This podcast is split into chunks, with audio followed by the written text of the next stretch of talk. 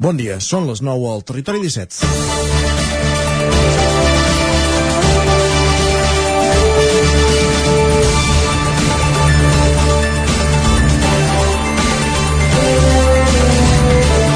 Avui ens avançarem en Guillem Sánchez i obrirem el programa amb una piolada que feia ahir al vespre l'usuari sistemàtiques, o el que és el mateix, el garriguenc Roger Prims. Deia, 6% de català a Netflix, 25% de castellà a l'escola. Cap dels dos es complirà, el primer no hi arribarà, el segon ja se supera. Anem al terreny futbolístic per recordar Ben Schuster amb allò de no hace falta decir nada más, però hi afegirem alguna cosa més. A principis de mes apareixien unes dades del mateix Departament d'Educació que deien que només el 47% del professorat de quart d'ESO es dirigeix en català als seus alumnes. Ara el Tribunal Suprem ratifica una sentència del TSJ que obliga les escoles a fer el 25% de les classes en castellà. La batalla per la llengua a les aules ve de lluny. Primer van ser diverses famílies les que van anar plantejant individualment que els seus fills rebessin una quarta part de les classes en castellà. Segons el el conseller d'Educació, Josep González Cambrai, tan sols una vuitantena de famílies ho han demanat en 20 anys. Quan encara governava el PP i en ple desplegament de la llei verd, el govern espanyol va plantejar un nou conflicte judicial. Ara el govern català confia que l'executiu de Pedro Sánchez no demani l'execució de la sentència i més tenint en compte que hi ha una altra llei de l'ensenyament. Amb les dades de principis de mes a la mà, el govern també va anunciar un pla per revertir la situació 40 anys després d'una immersió lingüística que tothom va aplaudir, però que la van deixar créixer sense massa control i ignorant aquelles veus perverses que qualificaven el català de sobreprotegit i el castellà d'estar en inferioritat, i que van fer calar el seu discurs en llocs estratègics per arribar on som avui. I així, en paguem els plats trencats. Territori 17, amb Isaac Moreno i Jordi Sunyer.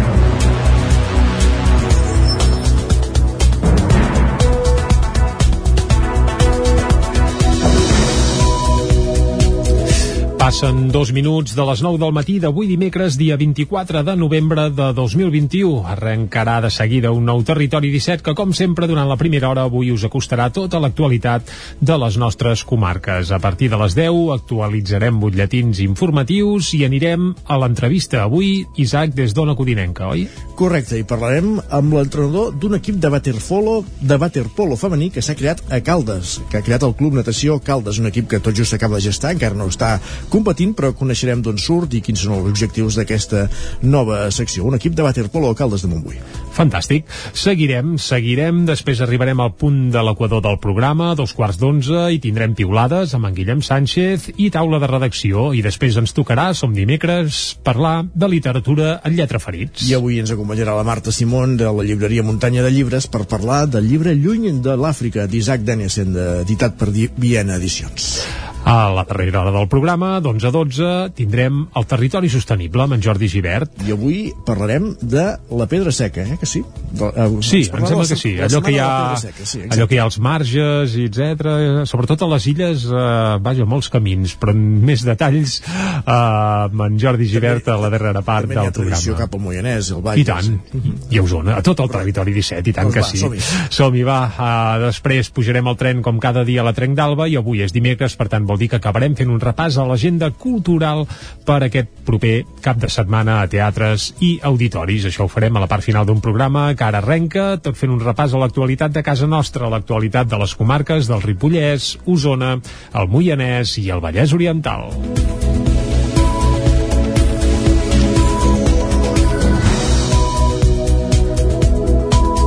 Osona és el grup de comarques catalanes amb una afectació econòmica menor en la crisi del coronavirus, segons l'anuari econòmic del BBVA.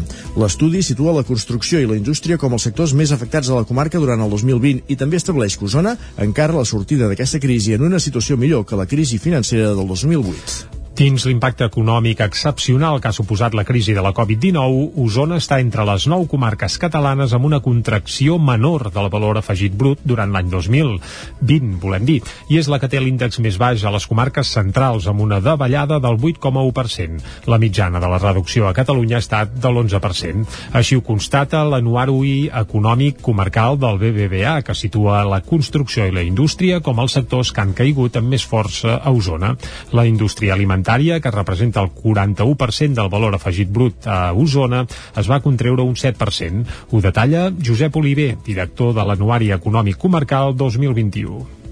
Jo crec que és perfectament compatible dir la indústria alimentària va aguantar més que el conjunt de l'activitat amb, amb que la indústria alimentària l'any passat va caure, agregadament per Catalunya va caure més del 5, el cas d'Osona m'apareix el 6,9% aproximadament, però diguem, seria amb els indicadors que tinc d'afiliació i d'activitat seria impensable que amb una, una caiguda mitja a Catalunya de més del 5 a Osona hi hagués hagut creixement. Eh, jo crec que les dues coses són perfectament compatibles. Menor caiguda i, per tant, més resistència, però caiguda també.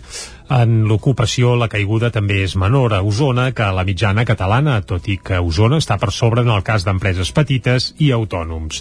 L'anuari també destaca que, tot i la duresa del xoc del coronavirus, Osona manté tant el valor afegit brut com l'ocupació per sobre de l'any 2013, en l'inici de la recuperació de la crisi financera.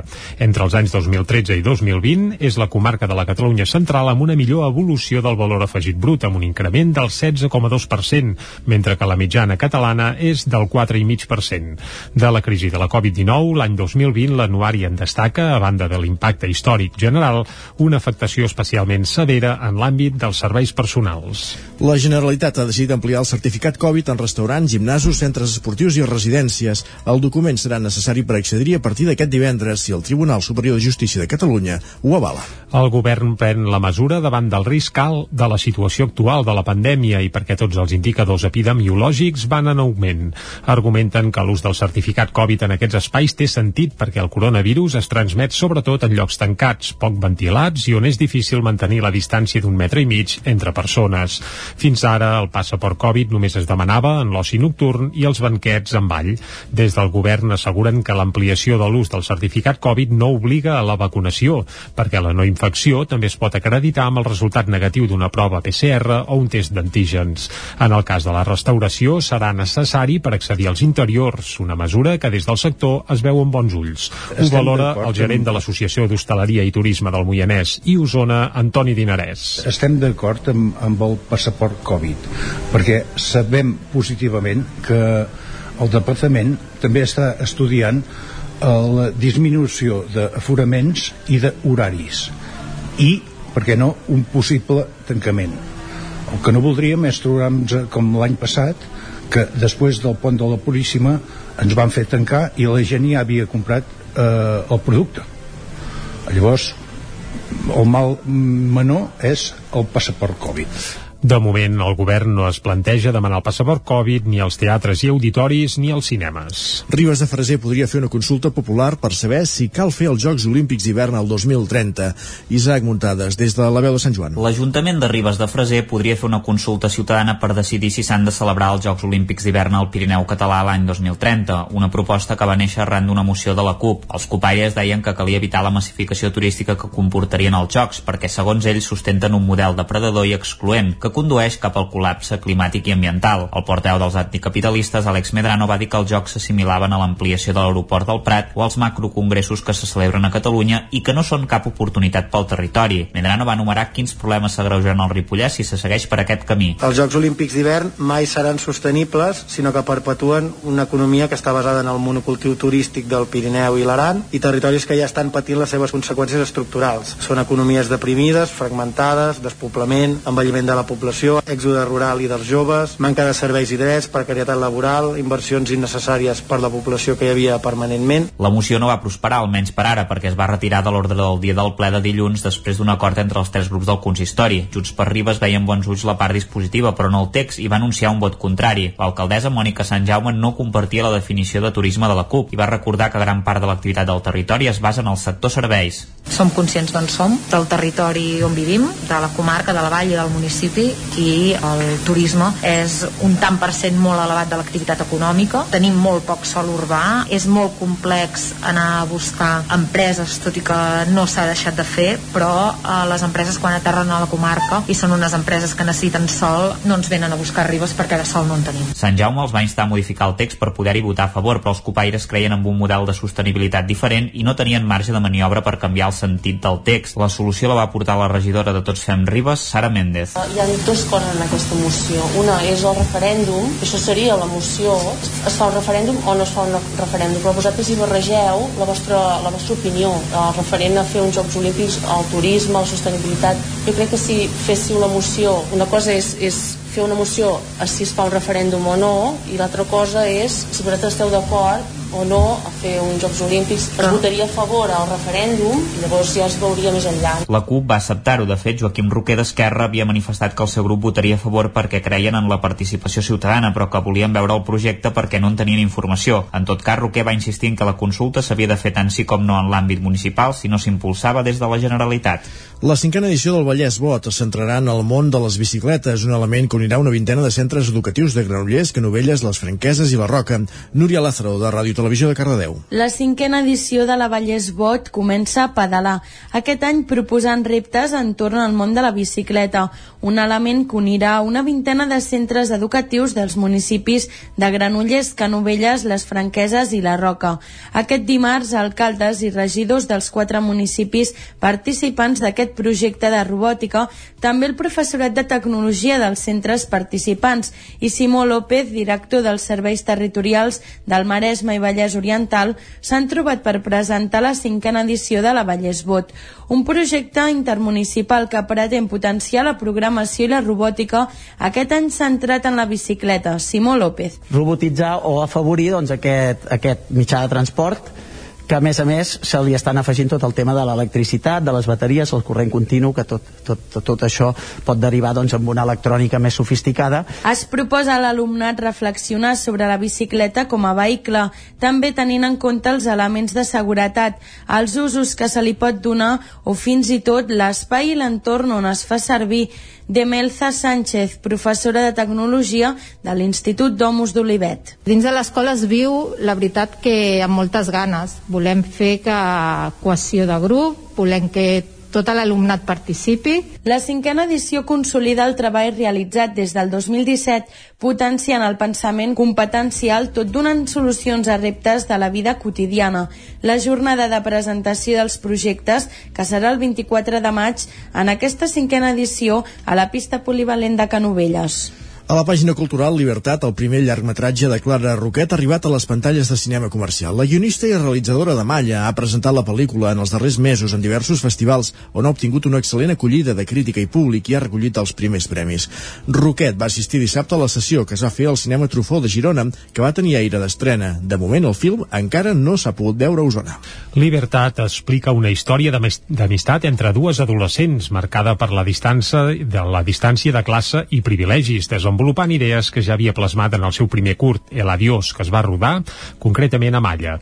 En el repartiment hi figuren alguns rostres coneguts del cinema i el teatre català, com Nora Navas, Vicky Penya o David Selves. Libertat es va estrenar a la quinzena dels realitzadors del Festival de Canes, el passat mes de juliol, i des de llavors ha passat per altres certàmens destacats com el Semcinci de Valladolid. Clara Roquet es va donar a conèixer l'any 2014 treballant com a co-guionista co-guionista de 10.000 quilòmetres al costat del director Carles Marquès Mercet, amb qui recentment ha tornat a treballar a Los Días que vendran. El film va obtenir un Gaudí al millor guió, entre d'altres premis. Posteriorment va realitzar El Adiós l'any 2015, amb un Gaudí al millor curtmetratge i un Espiga d'Or a la Seminci de Valladolid, entre d'altres nombrosos premis. El seu treball més recent darrere la càmera va ser un altre curt, Les bones nenes, l'any 2017. Libertat ha començat ara la cursa cap als Premis Gaudí. L'Acadèmia del Cinema Català l'ha situada entre les candidates a millor pel·lícula en llengua no catalana. La gala de la 14a edició dels Gaudí es farà el proper 6 de març. Més qüestions. El futbol, els capitans del Club de Futbol Call d'Atenes llueixen des d'aquest mes de novembre uns nous braçalets ben especials amb els colors de l'art de Sant Martín, un dels símbols més representatius del col·lectiu LGTBI+. Es tracta d'una iniciativa posada en marxa aquesta temporada per lluitar contra la discriminació que encara es pot observar en el món del futbol, de l'esport i a la societat en general. La Junta Directiva del Call d'Atenes va donar llum verda a la proposta que els va arribar des dels coordinadors del club per fer realitat la idea. Ells també han estat els responsables de fer arribar el missatge de què significa dur aquest braçalet a tots els seus equips, des dels sèniors fins als més petits. Sergi Velasco és l'adjunt de coordinació del Club de Futbol Call d'Atenes. El missatge principal és que nosaltres podem estimar qui vulguem, uh, sigui un noi, una noia, uh, que no hem de tenir perjudicis en aquest sentit. I d'intentar sobretot deixar sentir aquests comentaris que sentim a vegades tan lletjos de, dins del camp uh, que no es voldria dir pues, al final és això, que intentessin que ells a poc a poc normalitzessin aquestes situacions que la societat encara no es té normalitzades i, uh, i arribar a un punt que fos normal estimar un noi i una noia, ai, un noi i un noi, i una noia una noia, i que no fos res diferent que ara sembla que sigui una aberració a vegades. Escoltem ara l'Oriol i la Cristina, dos jugadors del futbol base del Call d'Atenes. Tothom té dret a estimar qui vulgui i quan vulgui i d'igual el sexe és molt lleig mentre jugues un partit sentir aquests comentaris i potser et desanimen. Des que el Call d'Atenes va reprendre la seva activitat com a entitat, ara farà 5 anys, sempre s'ha sumat a, a fer visible causes i lluites com per exemple la de demà, 25 de novembre, en el marc del Dia Internacional per l'Eliminació de la Violència contra les Dones. El Call d'Atenes, juntament amb el Moncada, ha estat un dels clubs de futbol pioners a Catalunya en lluir braçalets d'aquestes característiques. Acabem aquí aquest repàs informatiu que començàvem a les 9 del matí, moment de conèixer la previsió meteorològica.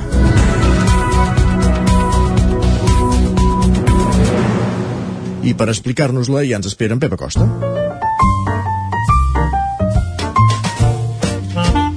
Casa Terradellos us ofereix el temps. Pep Acosta, que aquesta setmana està més animat del compte, igual que el temps ja va normalment en consonància, el seu estat d'ànim i la meteorologia, per tant el saludem de seguida. Uh, Pep, bon dia. Hola, molt bon dia. I molt bona hora. Com ha anat la llevantada? Què tal van ahir? Va fent, va fent. Per fi, per fi, vam tenir un dia uh, de pluja intensa, pluja general, uh, jo diria a totes les nostres poblacions, i unes precipitacions que van ser notables, es van superar els 30-40 litres a la majoria de poblacions, 49 a Vilagrau, 36 a Caldes de Montbui, eh, 30 litres cap a zona de Baiter, per fi, per fi una, una excepcional pluja, bueno, excepcional no, voler dir excepcionalment beneficiosa, estic exultant, estic molt content, i l'únic que no, que no vaig eh, percebre, bueno, que no vaig eh, ben ben encertar, eh, va ser la neu, que Exacte. ha anat menys el que pensava uh -huh. cap al Pirineu, i també la cota neu. La cota neu no, no ha baixat tot el que, tot el que em pensava, però bueno, els pròxims dies ja nevarà, eh, no patiu que nevarà força cap a la zona del Pirineu alta vegada. No, no Però patim, ahir, com no deia, va ser un dia de llevantada de gairebé primera categoria, eh, de primera i segona, de primeríssima sí que cap al sud, cap al sud sí que va deixar vegisses molt més importants cap a Montsià i cap a l'Ebre, allà sí que van haver precipitacions de més de 150 litres, gairebé 200 litres, uh, per sort nosaltres hem tingut aquestes pluges que haguessin fet poder una mica de mal i tot, i vam tenir una pluja molt beneficiosa que ha anat molt, molt bé per tot, eh? pel, pel camp, pel bosc, pels animals, pels persones, ha estat una, una pluja molt, molt beneficiosa. I avui encara plourà, ara mateix està entrant una nova massa, una nova massa de pluja des del mar cap, a, cap al litoral i al prelitoral i a les pròximes hores encara plourà. Uh, no crec que s'acumulin quantitats tan destacables com les d'ahir, però sí que durant el dia, com que anirà fent, serà una pluja, una pluja d'aquestes que va filtrant, que, que mica en mica es va guanyant litres, eh, poden caure encara 15, 20, 25 litres més. Eh, I això n'hi sumant els d'ahir, per tant, notícies molt, molt bones. I també la neu, la neu anirà baixant de cota, aquest matí encara uns 1.400, 1.500 metres, i ja de cara al migdia a la tarda baixarà fins als 1.000, 1.100. Uh -huh. eh, nevarà cap a l'Ensversal, cap al Montseny i, òbviament, cap al Pirineu, que ha canviat de cara totalment el dia d'ahir. Està molt, molt blanc ja aquest, la zona més alta del Pirineu. Les temperatures baixaran. Avui gairebé cap màxima superarà els 10-12 graus. Per tant, un dia fred. Serà un dia força fred el que tindrem. Com deia, les temperatures aniran baixant. No superarem els 10 graus, 10-12 a les nostres poblacions. I és que les mínimes ja han quedat més baixes. Tot i haver-hi forces núvols, Uh, Déu-n'hi el fred que ha fet. Hem superat àmpliament el 0 el sota 0 al Pirineu 6-7 sota 0 les més altes. I la majoria de poblacions quedat entre els 0 i els 7 graus de mínima. Per tant la nit ha estat més freda. Uh, es, va, es va notant també aquesta entrada vent de nord que serà la protagonista els pròxims dies. Encara tenim llevantada, eh? encara tenim vents de llevant per això està plovent però mica en mica va girant a nord i serà protagonista, com deia, pròxims d'aquesta entrada vent de nord i aquest fred que farà eh, a partir de, sobretot demà, amb aquesta entrada de vents més freds, però més secs. Per tant, avui encara plourà, però els pròxims dies les precipitacions marxaran gairebé de totes les poblacions, només quedaran restringides a la zona del Pirineu. I com i per resumir, per anar molt de pressa, avui encara serà un dia de pluja, sobretot a la zona del prelitoral, és on més plourà, jo crec que poden acumular-se 20-30 litres, cap a l'interior entre els 10 i els 20, i la nevada moderada cap al Pirineu, i sobretot on serà més important és el Montseny, i és on nevarà més segurament el dia d'avui, les temperatures en descens serà un dia fred, un dia gairebé d'hivern. Moltes gràcies, bon dia. Doncs vinga, cap al Matagalls i baixem trineu. Home, bé, no feu cas, ho veurem, eh? No ho veurem. cas. Però bé, segons les previsions d'en Pep Acosta, on nevarà més avui, i avui sí que nevarà, perquè ens havia dit que ahir també, però ahir només ho va fer a cotes molt altes, Home, sí doncs he, avui el he notat que feia molt fred aquest matí, eh? Sí, almenys feia aire, feia La- un la- aire d'aquell que...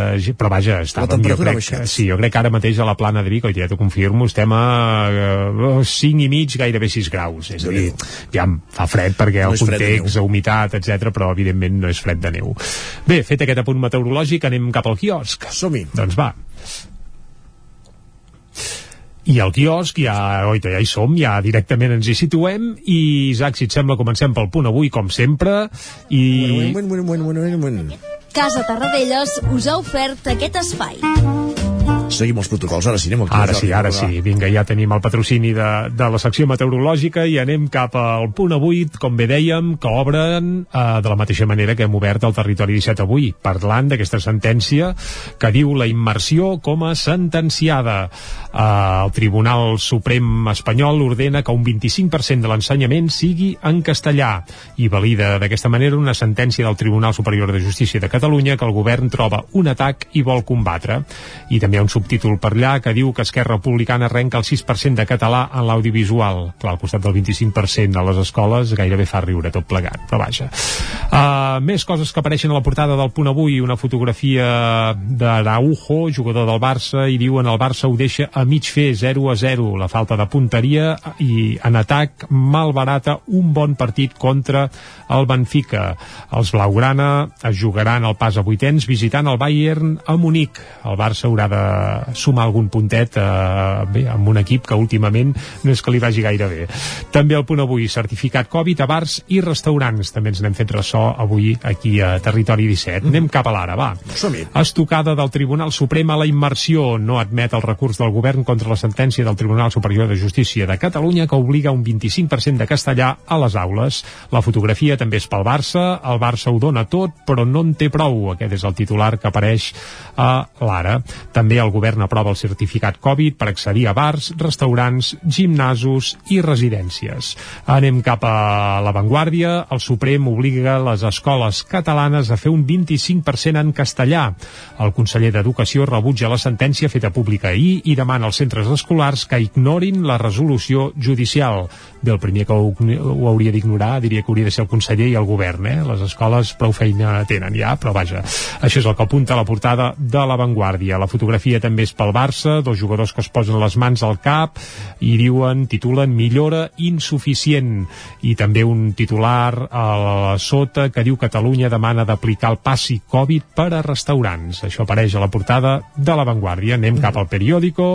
El Suprem sumeix en un caos legislatiu la immersió. Es nota que, que bé, que Vaja, bàsicament que agafen el castellà i ho titulen, ho catalanitzen com poden, eh? perquè això d'assumeix és un verb una mica així sospitós. Però vaja, això és el que apareix a la portada del periòdico, l'edició en català. La fotografia també és del Barça, eh, jugadors capcots un cop acaba el partit i diuen el Barça s'allunya d'Europa. També el govern apuntala la legislatura amb Esquerra Republicana i salva els pressupostos. Uh, clar, el govern al qual fan referència a la portada del periòdico no és el nostre, sinó l'espanyol, eh? però vaja, ja ho puntualitzem nosaltres, el Home. seu, sí, diguem com vulguem. Va, anem cap a Madrid I comencem pel país. El sí d'Esquerra Republicana als pressupostos de l'Estat afiança la legislatura. Això és el titular principal que apareix a la portada del país, on també expliquen que el govern incomplirà la sentència que exigeix més castellà a la classe. I aquí és curiós perquè el, el país diuen el govern i fan referència al govern català, veus?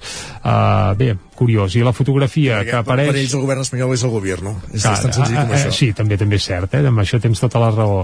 La fotografia és per la violència que hi ha als carrers de Cádiz, on hi ha aquestes vagues en el sector del metall i on s'estan ve- veient imatges que ens recorden bé les protestes post-sentència amb antiavalots, eh, contenidors cremats, etc etc.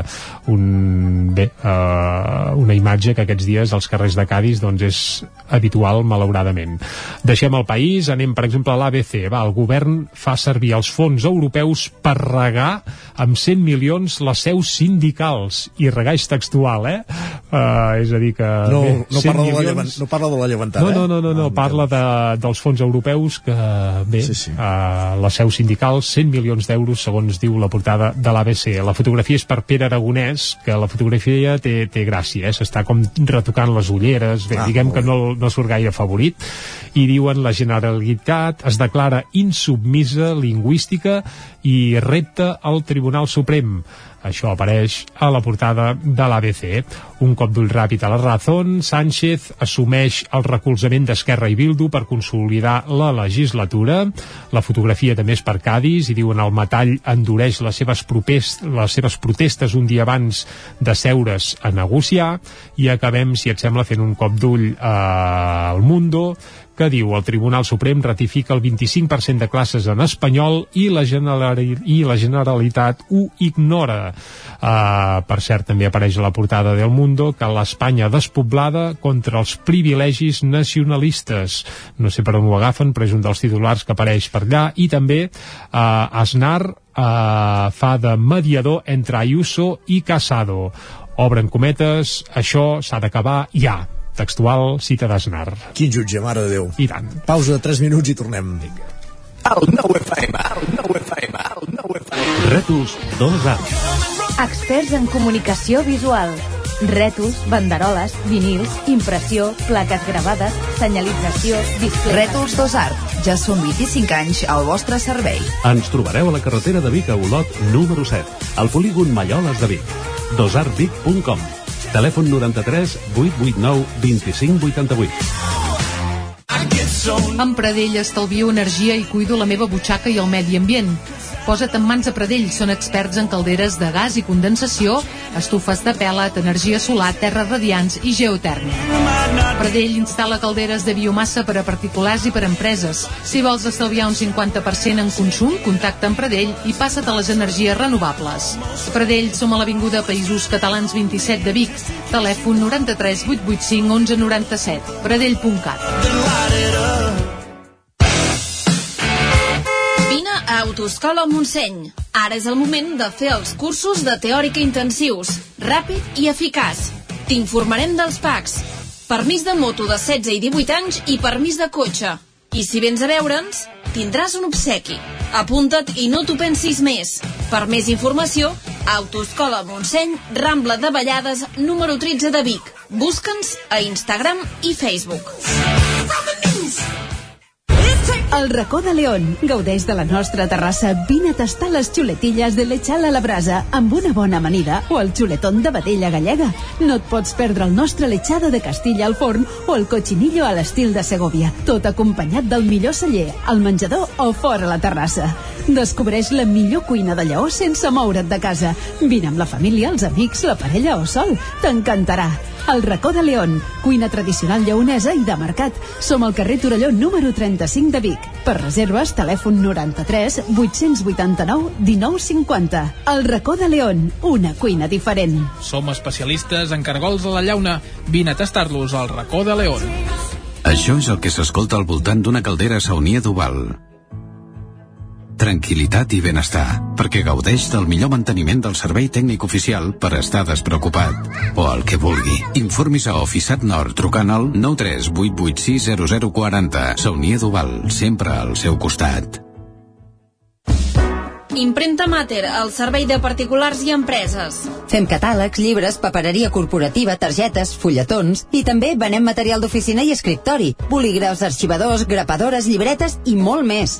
Mater Impressors des de 1957. Impremta Mater. Ens trobaràs a la carretera de Sant Hipòlit, número 23 de Vic i a la impremtamater.com.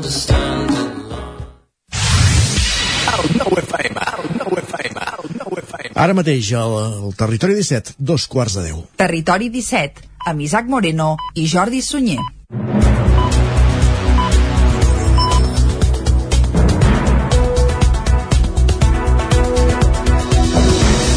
I a dos quarts de deu en punt, el que toca de seguida és acostar-vos de nou tota l'actualitat de les nostres comarques, però us avancem també una mica al menú que tenim fins a les 12 del migdia. Avui, abans de les 10, per exemple, estrenarem una peça del nou disc del bateria de Centelles, David Vinyoles. Mm -hmm. Un bateria que és sec, però que és un geni, i que demà treu un nou disc amb el seu quintet, David Vinyoles Quintet, on hi ha una peça amb la Rita Paiés. Et sona aquesta noia que, bé, enamora si de tothom. Si franc, eh? la veritat és que no, ara mateix. Doncs és una de les noves patums de la música nostrada, canta com els àngels, toca el trombó, a més a més, eh, ha fet un discàs excepcional i col·labora, per exemple, el darrer disc d'Oques Grasses en una de les peces segurament més encertades del disc. I per tant avui l'escoltarem. I eh? avui l'escoltarem amb en David Vinyoles, això just abans de les 10. Més coses, després a les 10 actualitzarem butlletí informatiu i anirem a l'entrevista per parlar de waterpolo avui, oi? Exacte, un nou, una nova secció que s'ha creat dins el Club Natació Caldes, un equip de waterpolo femení, i avui eh, parlem amb, amb l'entrenador d'aquest nou equip, eh, connectant amb una codinenca, amb la Caral Campàs. Molt bé, dos quarts d'onze arribaran piulades, després passarem per la taula de redacció i avui lletra ferits, parlarem de literatura, de literatura ja ho direm bé, amb qui, Isaac? Avui vindrà la Marta Simón, llibretera de la muntanya, llibreria Muntanya de Llibres de Vic, per parlar-nos d'una obra, d'una novel·la, Lluny de l'Àfrica, d'Isaac Dinesen, Viena Edicions. Molt bé, doncs aquest llibre, tots els detalls, a la part de lletra ferits d'avui i a la darrera hora, som dimecres, vol dir que tindrem notícies i territori sostenible amb en Jordi Givert. Que avui ens parlarà de la setmana de la Pedra Seca. I per acabar, anirem al tren, com cada dia, a la Trenc d'Alba, i avui és dimecres, i acabarem, per tant, fent un repàs a l'agenda cultural per aquest proper cap de setmana a teatres, auditoris, etc. Això a la part final d'un programa que ara segueix acostant-vos de nou l'actualitat de casa nostra, l'actualitat de les comarques del Ripollès, Osona, el Moianès i el Vallès Oriental. Osona és el grup de comarques catalanes amb una afectació econòmica menor en la crisi del coronavirus, segons l'anuari econòmic del BBVA. L'estudi situa la construcció i la indústria com els sectors més afectats a la comarca durant el 2020 i també estableix que Osona encara la sortida d'aquesta crisi en una situació millor que la crisi financera del 2008. Dins l'impacte econòmic excepcional que ha suposat la crisi de la Covid-19, Osona està entre les nou comarques catalanes amb una contracció menor del valor afegit brut durant l'any 2020, volem dir, i és la que té l'índex més baix a les comarques centrals, amb una davallada del 8,1%. La mitjana de la reducció a Catalunya ha estat de l'11%. Així ho constata l'anuari econòmic comarcal del BBVA, que situa la construcció i la indústria com els sectors que han caigut amb més força a Osona.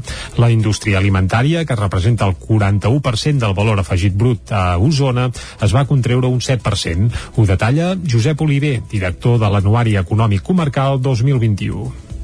Jo crec que és perfectament compatible dir la indústria alimentària va aguantar més que el conjunt de l'activitat amb, amb què la indústria alimentària l'any passat va caure, agregadament per Catalunya va caure més del 5, en el cas d'Osona m'apareix el 6,9% aproximadament, però diguem, seria amb els indicadors que tinc d'afiliació i d'activitat seria impensable que amb una, una caiguda mitja a Catalunya de més del 5 a Osona hi hagués hagut creixement. Jo crec que les dues coses són perfectament compatibles. Menor caiguda i, per tant, més resistència, però caiguda també.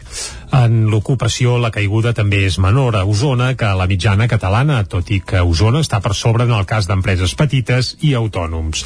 L'anuari també destaca que, tot i la duresa del xoc del coronavirus, Osona manté tant el valor afegit brut com l'ocupació per sobre de l'any 2013, en l'inici de la recuperació de la crisi financera. Entre els anys 2013 i 2020 és la comarca de la Catalunya central amb una millor evolució del valor afegit brut, amb un increment del 16,2%, mentre que la mitjana catalana és del 4,5%. De la crisi de la Covid-19, l'any 2020 l'anuari en destaca, a banda de l'impacte històric general, una afectació especialment severa en l'àmbit dels serveis personals. La Generalitat ha decidit ampliar el certificat Covid en restaurants, gimnasos, centres esportius i residències. El document serà necessari per accedir a partir d'aquest divendres si el Tribunal Superior de Justícia de Catalunya ho avala. El govern pren la mesura davant del risc alt de la situació actual de la pandèmia i perquè tots els indicadors epidemiològics van en augment. Argumenten que l'ús del certificat Covid en aquests espais té sentit perquè el coronavirus es transmet sobretot en llocs tancats, poc ventilats i on és difícil mantenir la distància d'un metre i mig entre persones. Fins ara, el passaport Covid només es demanava en l'oci nocturn i els banquets en ball. Des del govern asseguren que l'ampliació de l'ús del certificat Covid no obliga a la vacunació, perquè la no infecció també es pot acreditar amb el resultat negatiu d'una prova PCR o un test d'antígens. En el cas de la restauració serà necessari per accedir als interiors, una mesura que des del sector es veu amb bons ulls. Ho valora el gerent de l'Associació d'Hostaleria i Turisme del Moianès i Osona, Antoni Dinarès. Estem d'acord amb, amb el passaport Covid, perquè sabem positivament que el departament també està estudiant la disminució d'aforaments i d'horaris i, per què no, un possible tancament. El que no voldríem és trobar-nos com l'any passat, que després del pont de la Puríssima ens van fer tancar i la gent ja havia comprat eh, el producte. Llavors, el mal menor és el passaport Covid. De moment, el govern no es planteja demanar el passaport Covid ni als teatres i auditoris ni als cinemes. Ribes de Freser podria fer una consulta popular per saber si cal fer els Jocs Olímpics d'hivern al 2030. Isaac Muntades, des de la veu de Sant Joan. L'Ajuntament de Ribes de Freser podria fer una consulta ciutadana per decidir si s'han de celebrar els Jocs Olímpics d'hivern al Pirineu català l'any 2030, una proposta que va néixer arran d'una moció de la CUP. Els copaies deien que calia evitar la massificació turística que comportarien els Jocs, perquè segons ells sustenten un model depredador i excloent, que condueix cap al col·lapse climàtic i ambiental. El porteu dels anticapitalistes, Àlex Medrano, va dir que els jocs s'assimilaven a l'ampliació de l'aeroport del Prat o als macrocongressos que se celebren a Catalunya i que no són cap oportunitat pel territori. Medrano va enumerar quins problemes s'agreugen al Ripollès si se segueix per aquest camí. Els Jocs Olímpics d'hivern mai seran sostenibles, sinó que perpetuen una economia que està basada en el monocultiu turístic del Pirineu i l'Aran i territoris que ja estan patint les seves conseqüències estructurals. Són economies deprimides, fragmentades, despoblament, envelliment de la població, èxode rural i dels joves, manca de serveis i drets, precarietat laboral, inversions innecessàries per la població que hi havia permanentment. La moció no va prosperar, almenys per ara, perquè es va retirar de l'ordre del dia del ple de dilluns després d'un acord entre els tres grups del consistori. Junts per Ribes veien bons ulls la part dispositiva, però no el text, i va anunciar un vot contrari. L'alcaldessa Mònica Sant Jaume no compartia la definició de turisme de la CUP i va recordar que gran part de l'activitat del territori es basa en el sector serveis.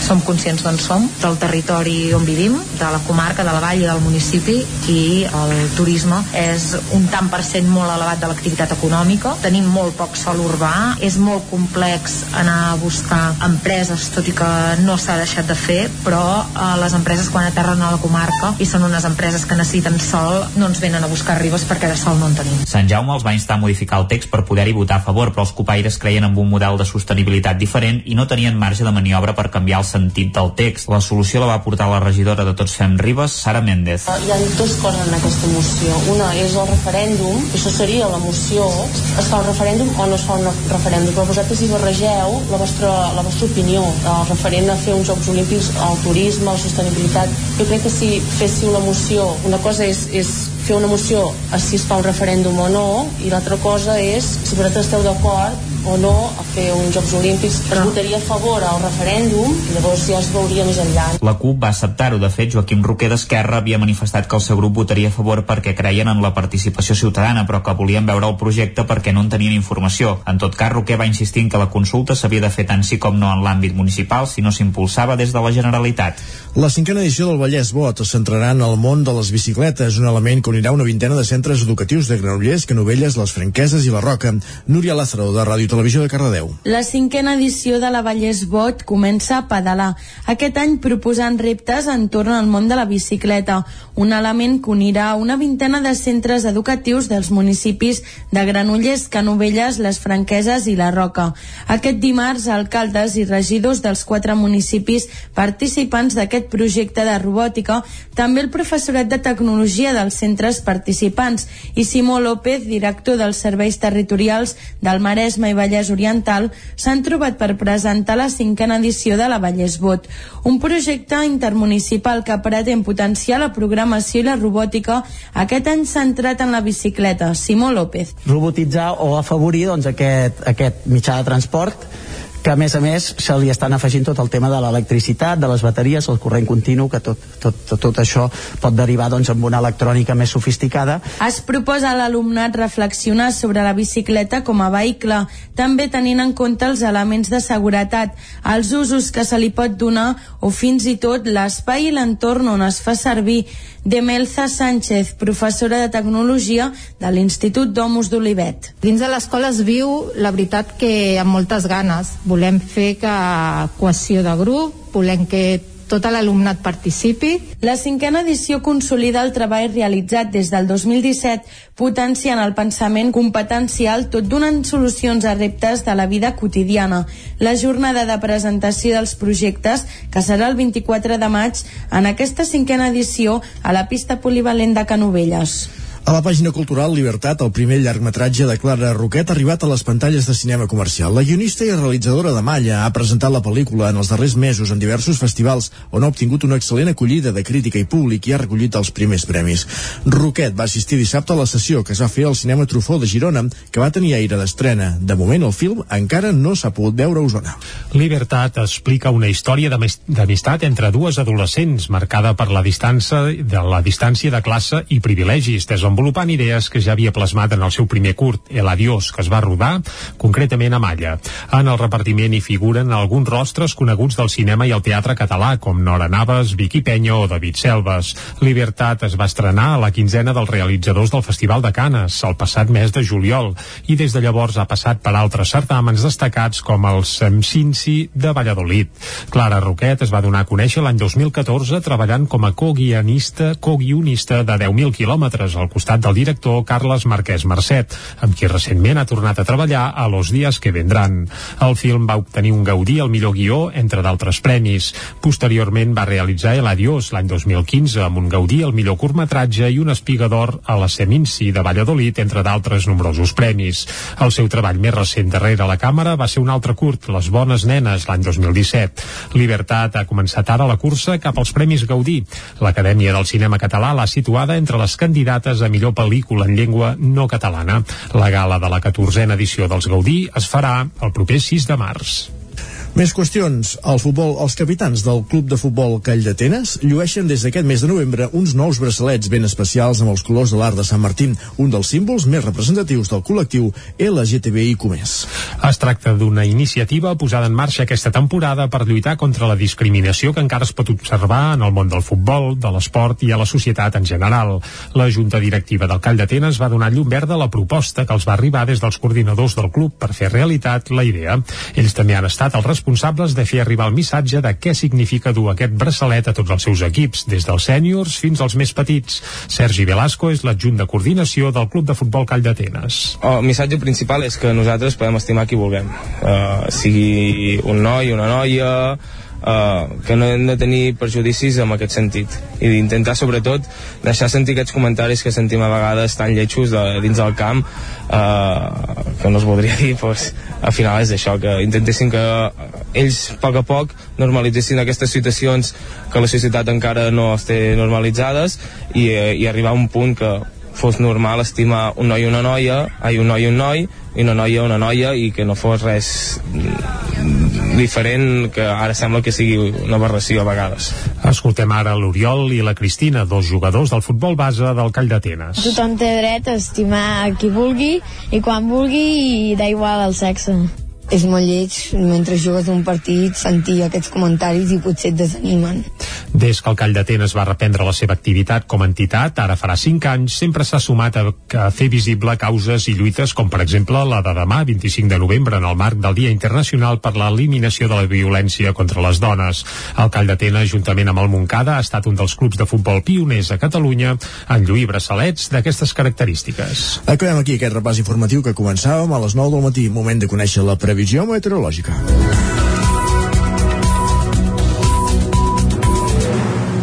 I per explicar-nos-la ja ens espera en Pepa Costa.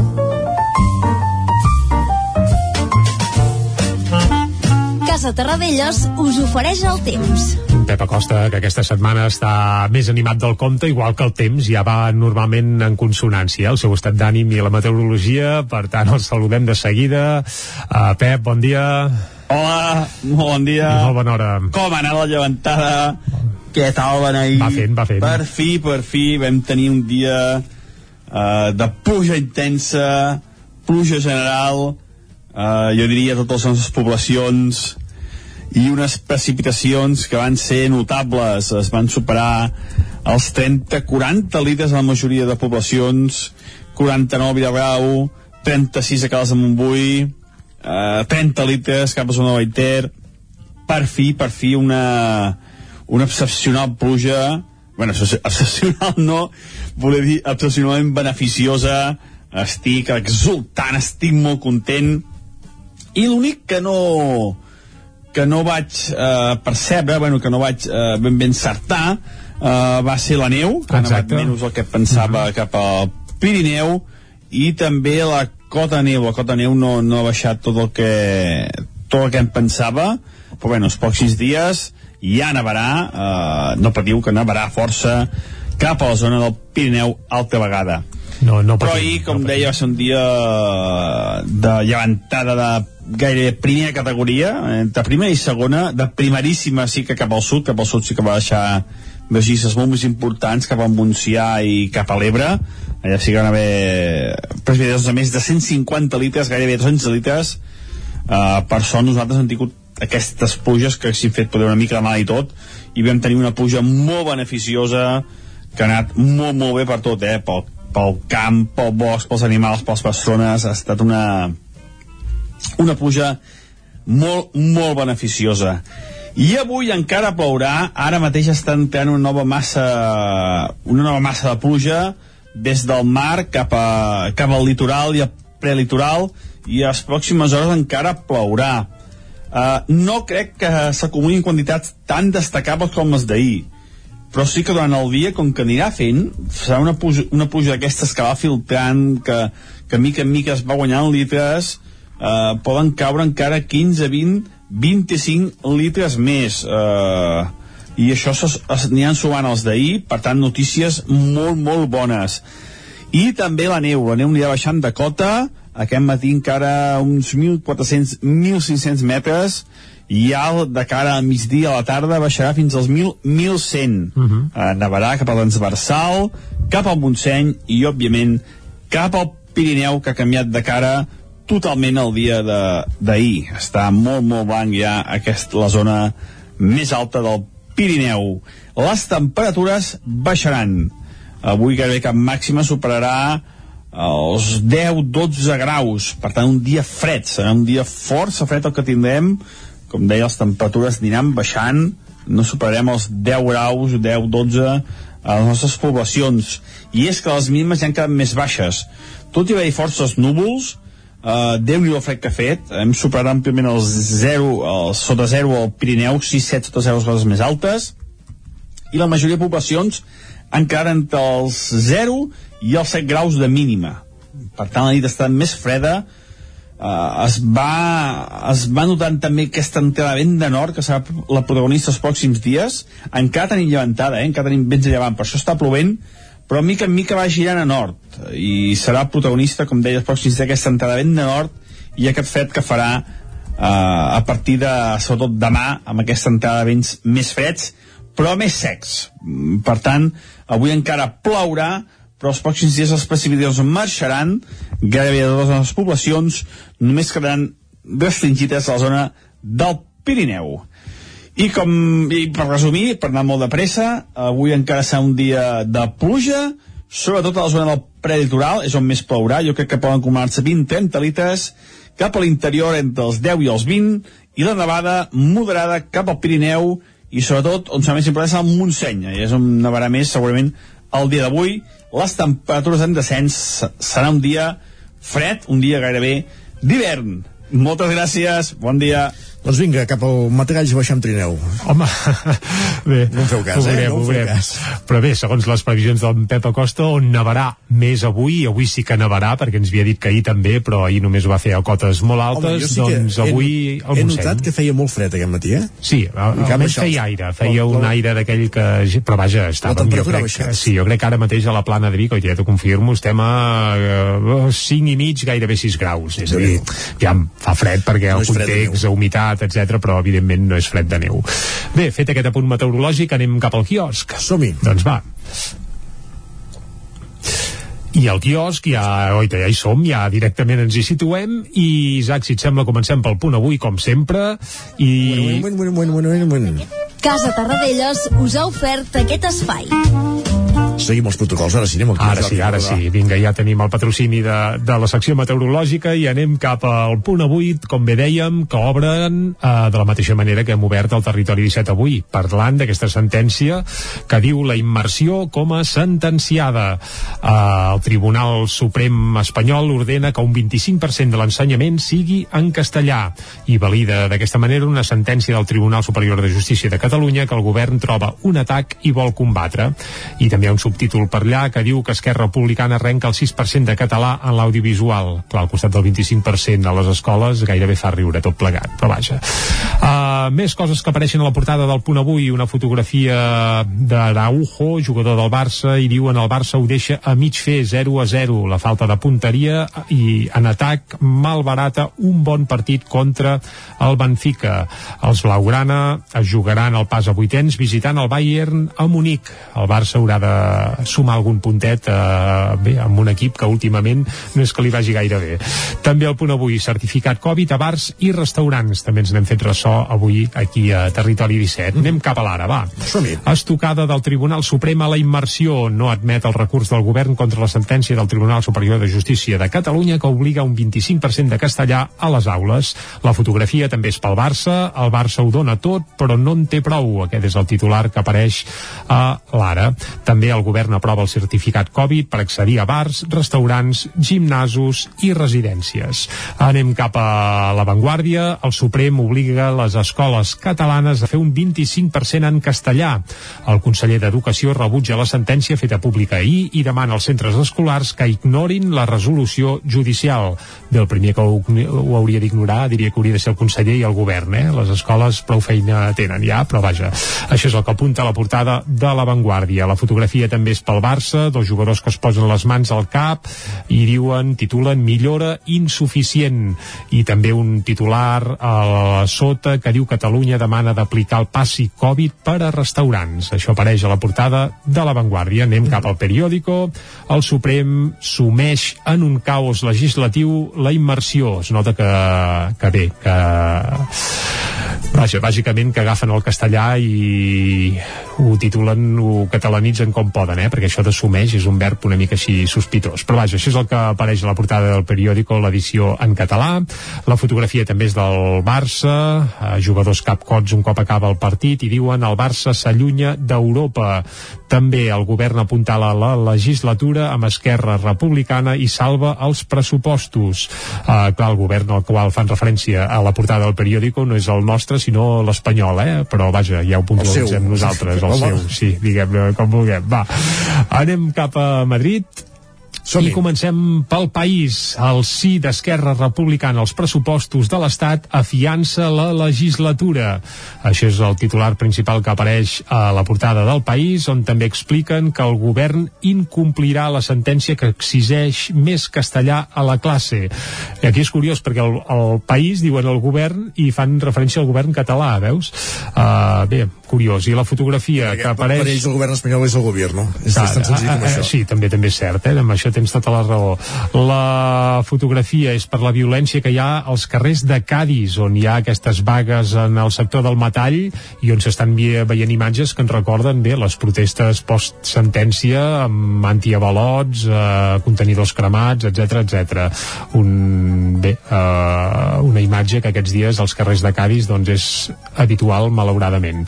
Deixem el país, anem, per exemple, a l'ABC. Va, el govern fa servir els fons europeus per regar amb 100 milions les seus sindicals. I regar és textual, eh? Uh, és a dir que... No, bé, no, 100 parla de la milions- no parla de la llevantada. no, no, no, no, no Ah, parla de, dels fons europeus que, bé, sí, sí. Uh, la seu sindical, 100 milions d'euros, segons diu la portada de l'ABC. La fotografia és per Pere Aragonès, que la fotografia té, té gràcia, eh? s'està com retocant les ulleres, bé, Ah, diguem que no, no surt gaire favorit, i diuen la Generalitat es declara insubmisa lingüística i repta al Tribunal Suprem. Això apareix a la portada de l'ABC. Un cop d'ull ràpid a la Razón, Sánchez assumeix el recolzament d'Esquerra i Bildu per consolidar la legislatura. La fotografia també és per Cádiz i diuen el metall endureix les seves, propes, les seves protestes un dia abans de seure's a negociar i acabem, si et sembla, fent un cop d'ull eh, al Mundo que diu el Tribunal Suprem ratifica el 25% de classes en espanyol i la, i la Generalitat ho ignora. Uh, per cert, també apareix a la portada del Mundo que l'Espanya despoblada contra els privilegis nacionalistes. No sé per on ho agafen, però és un dels titulars que apareix per allà. I també uh, Aznar uh, fa de mediador entre Ayuso i Casado. Obren cometes, això s'ha d'acabar ja. Textual cita d'Aznar. El jutge, mare de Déu. No sé si pren part entre els dos, això, eh? Uh, bé, home, jo si... Ell, ell va a la seva, eh? és a dir, entre els dos no, entre els tres i s'hi quedaria ell, ja me l'imagino, eh? Això és evident. Però bé, una cosa bona que té l'Aznar és que va dir estaré dues legislatures, me'n vaig i plego. Clar, sí. la seva ombra és molt llarga i apareix sempre, però almenys no ha tingut uh, la temptació de, de tornar-hi, per exemple. Ja sento refilar aquella veu que ens deies abans, eh? És que és preciosa. Avui eh, portem una, exclus vaja, una exclusiva mundial, com sovint passa aquí a Territori 17, i és que demà es publica el primer disc del quintet d'en David Vinyoles i aquest disc té algunes peces que són autèntiques peces d'orfebreria com aquest Ruby There que estem escoltant ja de fons. És una peça del Thelonious Monk un clàssic de, del jazz de, del segle passat que en aquest cas, passat pel sedàs de, bé, d'en David Vinyoles i per què no dir-ho, de la Rita Paiés, doncs sembla gairebé un bolero, eh? agafa aires així de, de bolero, i no em vull pas enrotllar gaire més, perquè el que s'ha de fer és escoltar-la, aquesta peça, i gaudir-ne. A part de la veu de la Rita, també hi apareix el seu trombó. La Rita és trombonista, a part de cantant. Em recorda molt l'Andrea Motis amb la trompeta, doncs la Rita ho fa ha- amb el, amb el trombó. Sí, sí, sí, sí, sí. I la veu també tenen cert paral·lelisme amb l'Andrea. Uh, totes dues a més són barcelonines. Va, escoltem aquesta peça, Ruby My Dirt, del nou disc del David Vinyoles, Quintet, un disc que es publica demà. Aquesta cançó, amb això arribarem fins a les 10 aquí a Territori 17. se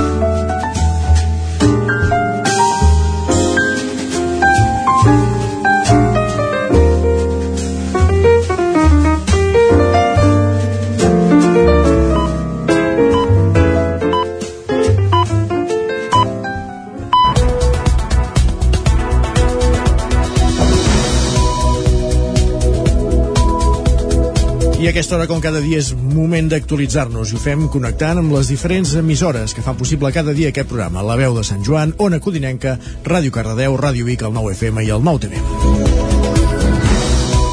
Ja són 34 les persones afectades pel brot de legionel·losi a Montmeló i Montornès del Vallès. Dilluns hi havia 15 persones ingressades en hospitals per culpa del bacteri. Núria Lázaro, de Ràdio Televisió de Cardedeu.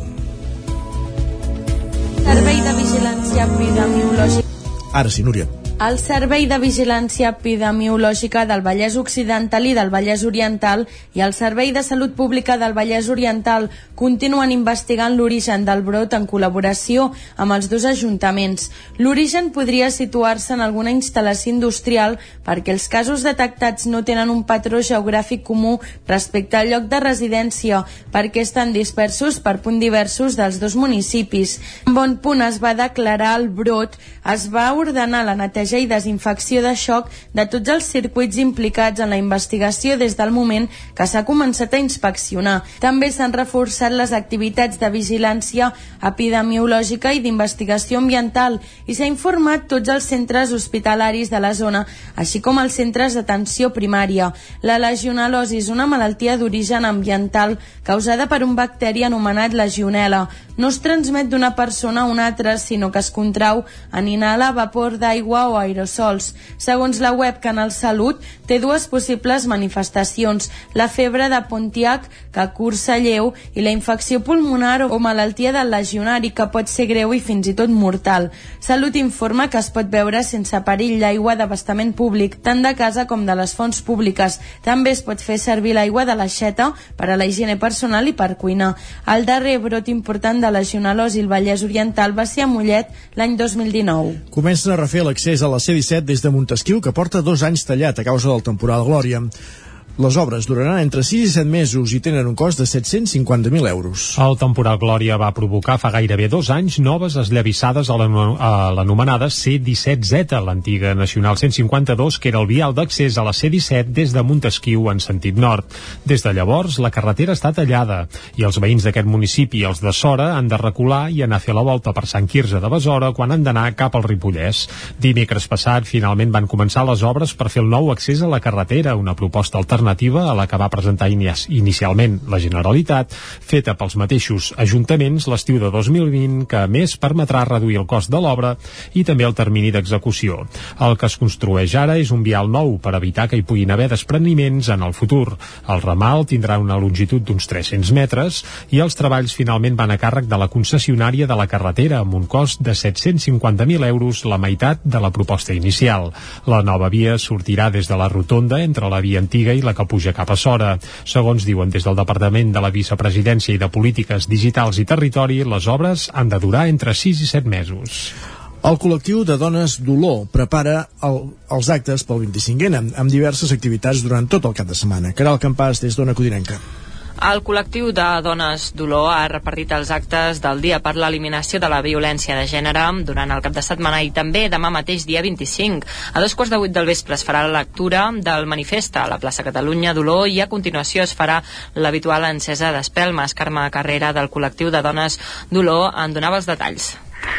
Doncs el mateix 25 eh, ens limitem a fer la lectura del manifest i farem una mica de, un acte una mica simbòlic amb una encesa d'espelmes que ja fa uns quants anys que, que es fa i aquest any hem optat per intentar fer un, un dibuix d'una d'un- aquell, aquell dibuix de la mà que diu prou i llavors la mà la portarem feta i el, i el prou el farem amb espelmes L'acte més destacat del cap de setmana serà el diumenge 28 amb la representació teatral de la plaça del Diamant a les 6 de la tarda. L'Espai Amalós acollirà la versió de la companyia Mea Culpa de la novel·la de Mercè Rodoreda. Des del col·lectiu de dola, dones perdó, volen posar l'accent en la violència masclista d'aquesta obra emblemàtica de la literatura catalana.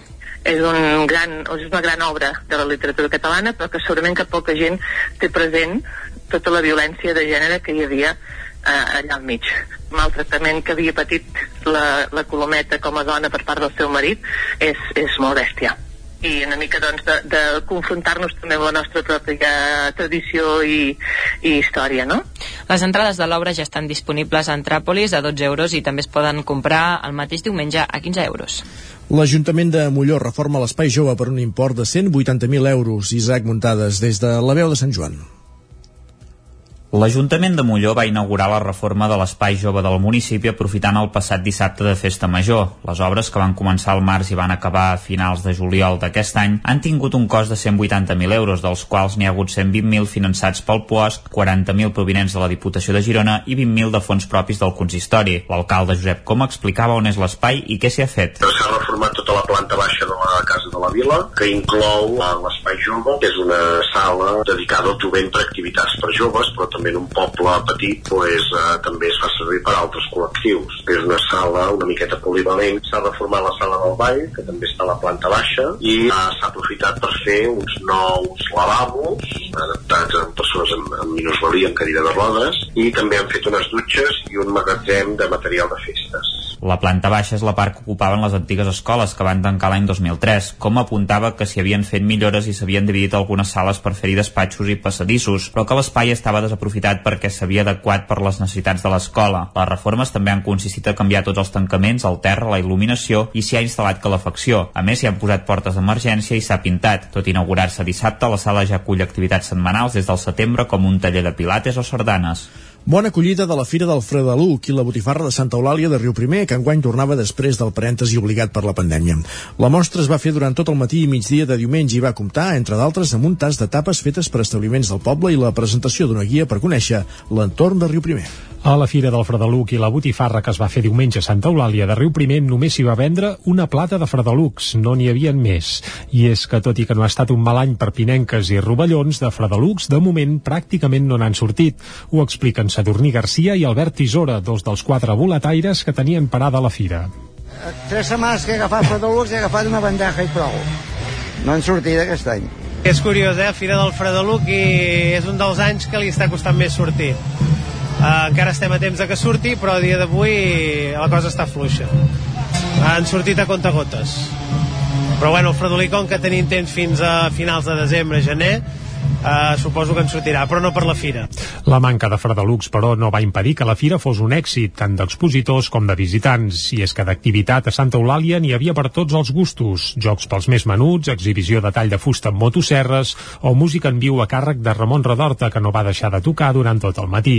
A part de Fredelucs, l'altre emblema de la fira és la botifarra de Riu Primer, una botifarra única i especial. Ho explica Assumpta Tió, de la carnisseria Vilaró de Santa Eulàlia. La botifarra nostra del poble ens hem posat unes obligacions que primer que sigui producte al port de proximitat que estigui dintre la nostra, la nostra comarca o dintre el màxim possible. Després també eh, la fem natural, el màxim natural que puguem, amb tripa natural i menys additius possibles la sal i el pebre com la feien els nostres pares, avis. Això és el que ens hem proposat i això és el que creiem que estem fent molt bé. A Santa Eulàlia hi ha dues carnisseries implicades en el projecte de botifarra de Riu Primer, tot i que diumenge només en va assistir una a la fira arran d'una defunció familiar. L'activitat de la mostra es va completar amb una sortida guiada al bosc per anar a buscar bolets, la presentació de la guia Riu Primer i el seu entorn i també un tast de tapes. Una desena d'establiments del poble en van servir més de 3.000, una xifra que referma la bona acollida d'una fira que amb Fredolics o sense l'any que ve tindrà continuïtat amb la quarta edició.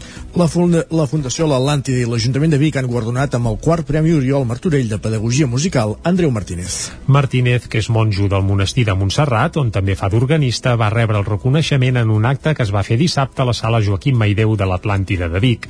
El jurat del premi ha decidit concedir-lo a Martínez pel seu treball en el cant coral des del punt de vista inclusiu i social i per les seves innovacions en pedagogia musical, sobretot als inicis de la seva trajectòria a la Sènia, on vivia des de petit. El seu treball va destacar especialment quan estava al capdavant de l'Escola de Música Joventuts Unides. Després va entrar en contacte amb el monestir de Montserrat a través de les trobades d'animadors de cant per la litúrgia que actualment dirigeix. Escoltem Andreu Martínez a l'hora de rebre el premi. Agraeixo aquestes paraules de la glossa i agraeixo també el premi que no sé si mereixo, però que m'honora profundament. I sobretot perquè em sento representat representant d'un munt de persones que m'han acompanyat durant aquesta meva trajectòria i sense les quals els projectes que vaig portar a terme i no, no els hauria pogut assolir. La directora de la Fundació L'Atlàntida, Montse Catllà, va destacar la trajectòria de Martínez, sobretot en la seva feina iniciàtica feta des de la base i des del món local. Des del món local, des de la Sènia, en un context de desigualtats territorials, de referents escassos, l'Andreu va treballar intensament, teixint complicitats i esperonant sensibilitats per fer créixer l'abast social i la qualitat pedagògica de l'educació musical. El lliurament del premi va comptar amb les actuacions d'un grup vocal de la Sènia i també d'alumnes de l'Escola de Música i Conservatori de Vic. Libertat, el primer llargmetratge de Clara Roquet ha arribat a les pantalles de cinema comercial. La guionista i realitzadora de Malla ha presentat la pel·lícula en els darrers mesos en diversos festivals, on ha obtingut una excel·lent acollida de crítica i públic i ha recollit els primers premis. Roquet va assistir dissabte a la sessió que es va fer al cinema Trufó de Girona, per, que va tenir aire d'estrena. De moment el film encara no s'ha pogut veure a Osona. Libertat explica una història d'amistat entre dues adolescents marcada per la distància de classe i privilegis desenvolupant idees que ja havia plasmat en el seu primer curt, El Adiós, que es va rodar a Malla. En el repartiment hi figuren alguns rostres coneguts del cinema i el teatre català, com Nora Navas, Vicky Penya o David Selves. Libertat es va estrenar a la quinzena dels realitzadors del Festival de Cants el passat mes de juliol i des de llavors ha passat per altres certàmens destacats com el Seminci de Valladolid. Clara Roquet es va donar a conèixer l'any 2014 treballant com a co-guionista de 10.000 quilòmetres al costat del director Carles Marquès Mercet, amb qui recentment ha tornat a treballar a Los Días que vendran. El film va obtenir un Gaudí al millor guió, entre d'altres premis. Posteriorment va realitzar El Adiós l'any 2015, amb un Gaudí al millor curtmetratge i una espiga d'or a la Seminci de Valladolid, entre d'altres nombrosos premis. El seu treball més recent darrere la càmera va ser un altre curt, Les bones nenes, l'any 2017. Libertat ha començat ara la cursa cap als Premis Gaudí. L'Acadèmia del Cinema Català l'ha situada entre les candidates a millor pel·lícula en llengua no catalana. La gala de la 14a edició dels Gaudí es farà el proper dia 6 de març. Gràcies, Jordi. Acabem aquí aquest repàs informatiu que començàvem a les 10 i que hem fet en companyia d'Isaac Muntades, Caral Campàs, Núria Lázaro i Jordi Sunyer. Moment de conèixer, d'actualitzar la previsió meteorològica.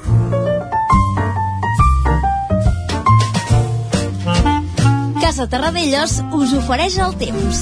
I la previsió meteorològica, que ens la costa cada dia en Pep Acosta, a primera hora ja l'hem sentit, ens ha fet una mica de balanç d'aquesta llevantada que hem tingut i que tenim encara a sobre, i ara li demanarem que no fem una ullada endarrere, sinó una ullada endavant i que ens expliqui el temps que ens espera, sobretot per avui i per demà, aviam si encara continuarem remullats o no. El saludem, Isaac, sí? Endavant. Doncs va, Pep, bon dia de nou. Hola, molt bon dia. Va, anem avui, eh? I avui encara Va. plourà. Ara mateix està entrant una nova massa, una nova massa de pluja des del mar cap, a, cap al litoral i al prelitoral i a les pròximes hores encara plourà. Uh, no crec que s'acumulin quantitats tan destacables com les d'ahir, però sí que durant el dia, com que anirà fent, serà una pluja, una pluja d'aquestes que va filtrant, que, que mica en mica es va guanyant litres, eh, poden caure encara 15, 20, 25 litres més. Eh, I això n'hi han sumant els d'ahir, per tant, notícies molt, molt bones. I també la neu, la neu anirà baixant de cota, aquest matí encara uns 1.400, 1.500 metres, i ja de cara a migdia a la tarda baixarà fins als 1.000, 1.100. Eh, nevarà cap a l'Ensversal, cap al Montseny i, òbviament, cap al Pirineu, que ha canviat de cara totalment el dia d'ahir. Està molt, molt blanc ja aquest, la zona més alta del Pirineu. Les temperatures baixaran. Avui gairebé cap màxima superarà els 10-12 graus. Per tant, un dia fred. Serà un dia força fred el que tindrem. Com deia, les temperatures aniran baixant. No superarem els 10 graus, 10-12 a les nostres poblacions. I és que les mínimes ja han quedat més baixes.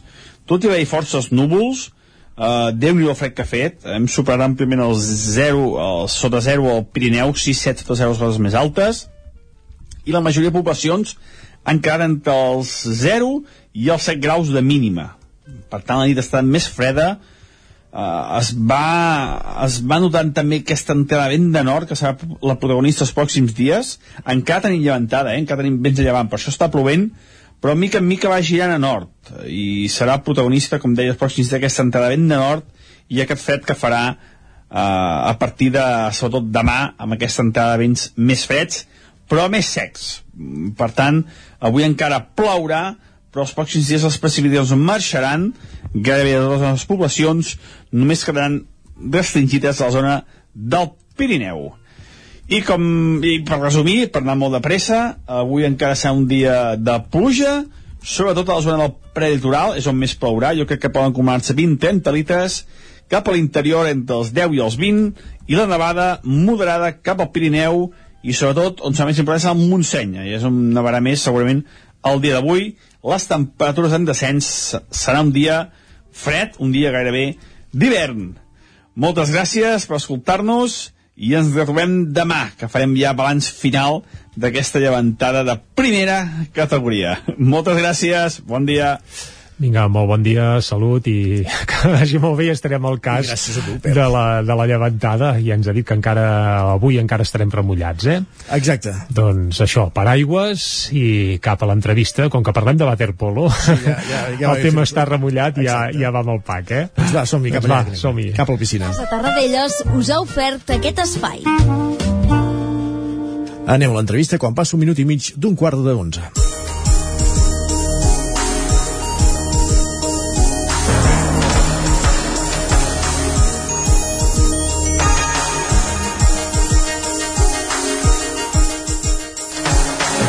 El Club Natació Caldes ha decidit impulsar des d'aquest setembre una nova secció de waterpolo. És la primera vegada que el club compta amb un equip femení d'aquesta modalitat. Anem cap a Ona Codinenca amb la Caral Campàs. Bon dia, Caral. Bon dia, doncs sí, enguany el CN Caldes ha tirat endavant aquesta secció femenina després d'uns anys de consolidació de diversos equips masculins i per conèixer doncs, amb més detall el plantejament d'aquest equip tenim al telèfon a Roger Armengou, que és el míster, l'entrenador d'aquest equip femení. Bon dia, Roger. Bon dia, què tal? Molt bé, uh, contents de que puguis estar aquí amb nosaltres avui. Uh, podríem preguntar-te primer de tot per què vau decidir impulsar no, aquest equip uh, de waterpolo femení. Bueno, de, de fet, la nostra intenció en cap moment va ser haver-ho d'impulsar. Vull dir, nosaltres quan, quan comencem a, amb les categories de waterpolo, mm, diguem que per, per casualitat o, o no sé ben bé quin va ser el motiu, però vam començar només amb, amb nens, tot i que la nostra intenció era, era que fos algo mixt. Eh, llavors, clar, eh, ens va entrar alguna nena, però no suficients per, per formar un grup, i a mesura que aquestes nenes han anat fent grans i ja no podien competir en la categoria mixta, eh, es van quedar penjades d'alguna manera, perquè sí que podien seguir entrenant amb l'equip amb el que havien crescut, però clar, a partir de certa edat, a partir dels 13-14 anys, ja a l'esport eh, deixa de ser mixta, i, i llavors només hi havia dues opcions. O elles havien de buscar-se un altre club, la qual cosa no els hi, no els hi interessava, o havien de renunciar a la competició. Llavors, a partir d'aquest moment ens vam posar una mica les piles per, per mirar de tirar-ho endavant. I amb quantes jugadores hi ha, quantes jugadores hi ha ara a l'equip i quines edats tenen, quina experiència prèvia tenien? Entenc que aquestes jugadores, diguéssim, que venien d'equips mixtos ja tenien experiència, però suposo que s'ha hagut de completar l'equip amb, amb Sí, jugadores de fora, no, diguéssim? Bueno, de, de fora o... De fora del club o de fora de l'equip, per Sí, entendre's. sí, de fet, elles són només dues, les que ja estaven, Mhm. ja estaven aquí, la, la Raquel i l'Aina, i llavors el que vam fer és, és començar a tirar de- d'exnedadores, de, del mateix club, a preguntar si els interessava la idea, que eren gent que havien deixat la natació perquè igual per horaris i la combinació amb els estudis no els hi anava bé. Llavors, pues, mira, es van engrescar i, i vam començar a poc a poc i llavors va anar, va anar acabant eh, entrant gent d'altres cercles que no eren els aquàtics i, i al final, mira, hem pogut tirar endavant el grup.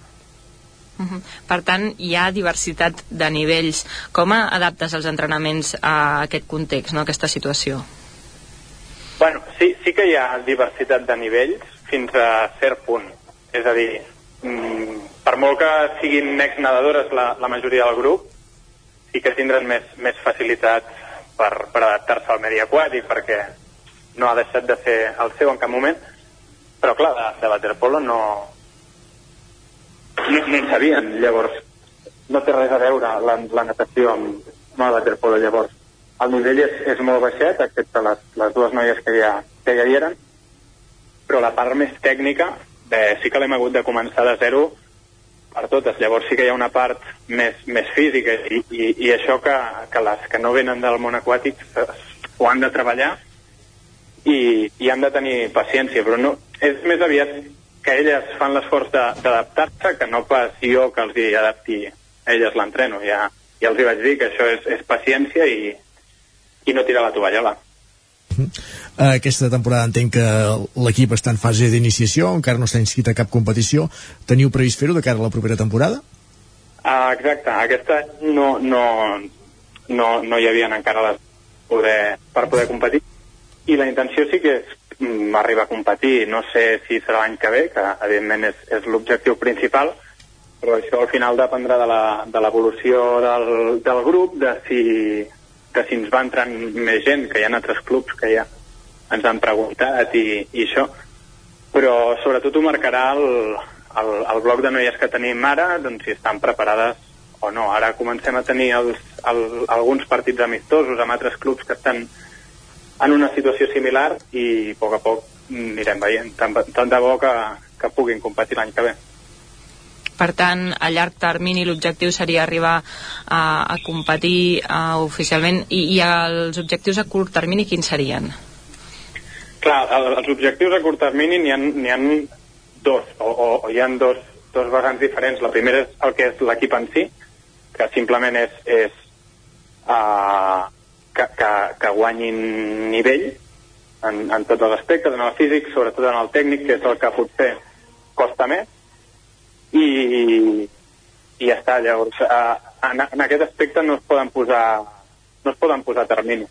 Llavors, per altra banda, hi ha un, un objectiu de, de publicitat, per dir-ho d'alguna manera. És a dir, que si, si el fet de tenir un equip femení pot fer de mirall a altres nenes que, que vulguin entrar a jugar a waterpolo, bueno, al final aquest és un, un dels altres objectius perquè el que ens ha passat fins ara és que alguna vegada han, han vingut nenes a provar, només han vist nens i homes i senyors i llavors han, han, han fet marxa enrere. Llavors, el, el fet de tenir un, un equip femení que sigui la referència de, de l'esport femení o d'aquest esport femení, eh, jo penso que ens pot, ens pot ajudar.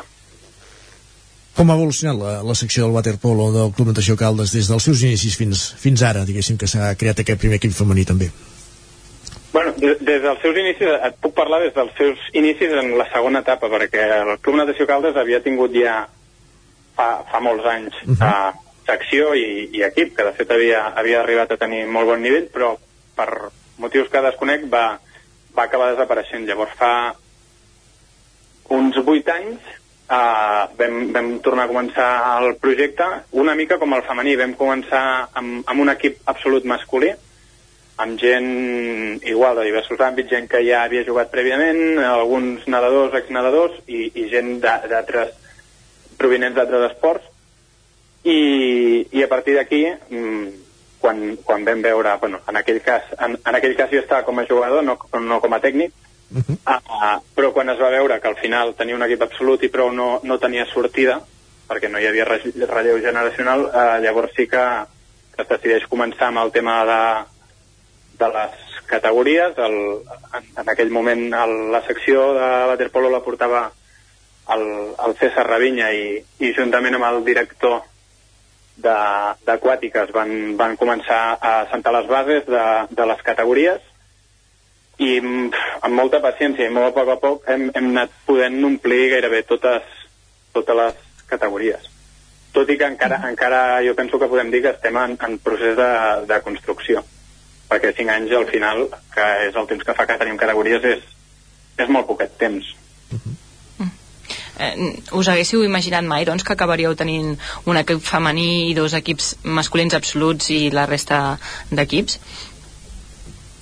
Aviam, im imaginat no ho sé. Uh, en, el, en el moment que es comença la secció, uh, l'aposta és, és, és ferma per, per, per fer un projecte seriós i, i que pugui acabar sent una de les referències del, del Vallès. Fa dos anys o, o, o tres, no.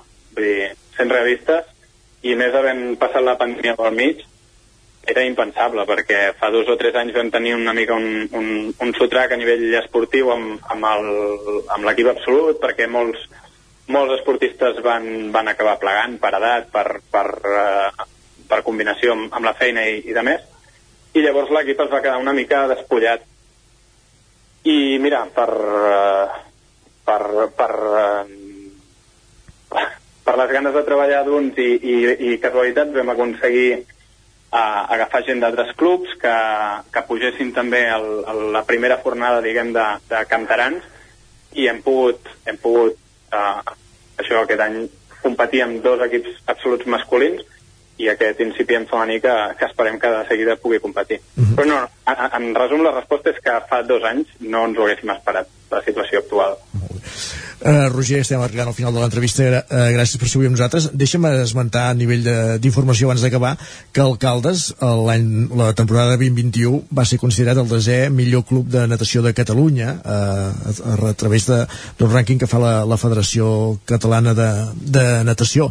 Vull dir que estem parlant d'un club diguéssim amb, amb solera, diguéssim, també esportivament parlant, i avui hem, que hem fet és parlar d'aquesta secció de waterpolo arran de la creació d'aquest nou equip femení. Gràcies per ser avui amb nosaltres al Territori 17. Molt bé, vosaltres. Bon dia. Vinga, bon dia. Caral, també deixem-ho aquí, parlem més tard aquí al Territori 17 i Fins ara. entrenant fort amb aquest equip de waterpolo, eh? I tant, gràcies. Fem una petita pausa i tornem tot seguit al Territori 17. 3 minuts i som aquí. El nou FM, el nou FM, el nou FM. Cobertes serveis funeraris. Els nostres tanatoris estan ubicats en els nuclis urbans més poblats de la comarca d'Osona per oferir un millor servei. Tanatori de Vic, Tanatori de Manlleu, Tanatori de Centelles i Tanatori de Roda de Ter. Sabem que són moments difícils i per això el nostre compromís és atendre-us en tot moment amb un tracte humà, sensible i respectuós. Cobertes serveis funeraris. Telèfon 24 hores 93 883 23 46. Saps què és el confort intel·ligent? És tenir un terra radiant Giacomini a casa. Benestar que no es veu, però es nota tot l'any. I que pots controlar a distància des del teu mòbil, estalviant energia i diners. Suma't al confort intel·ligent amb Giacomini. Informa't a giacomini.es o truca al 93 884 1001 i t'ajudarem a tenir un terra radiant a casa o a l'oficina. Giacomini, la climatització que et mereixes. Perill de glaçades? Per evitar problemes a les instal·lacions d'aigua en cas de glaçades, Aigües Vic recomana que es prenguin les mesures adients, protegint-les amb els materials adequats. Aigües Vic recomana la protecció amb Porexpan o amb altres materials aïllants, però sempre fàcils de posar i treure per facilitar la lectura del comptador. Per a més informació truqueu al 93 885 2500 o entreu a aigüesvic.com. Rètols 2A. Experts en comunicació visual. Rètols, banderoles, vinils, impressió, plaques gravades, senyalització, displays... Rètols Dos Art. Ja són 25 anys al vostre servei. Ens trobareu a la carretera de Vic a Olot, número 7, al polígon Malloles de Vic. dosartvic.com Telèfon 93 889 25 88. Arriba el fred, s'acosten les festes nadalenques, però ja tens l'arbre? Del 4 al 12 de desembre arriba la quarantena Fira de l'Avet d'Espinelves, una de les fires més singulars de Catalunya. Vine a triar i a comprar el teu arbre de Nadal i gaudeix de l'encant d'Espinelves. Avets, exposicions, mostra d'arts i oficis i moltes més activitats. 40 anys de la Fira de l'Avet d'Espinelves. Cocodril Club. Si t'agrada la bona música dels anys 60, 70 i 80, escolta el 9 FM els matins de dissabtes i diumenges d'11 a 1. És el temps del Cocodril Club, tot un clàssic de la ràdio, amb les bases del pop-rock, les llegendes, les cançons que s'han convertit en autèntics himnes. Recorda, dissabtes i diumenges al matí, d'11 a 1, al 9 FM 92.8. Cocodril Club, el programa revival de l'Albert Malla. Hasta luego, cocodrilo. El nou FM, el nou FM, el nou FM, el nou FM. Territori 17.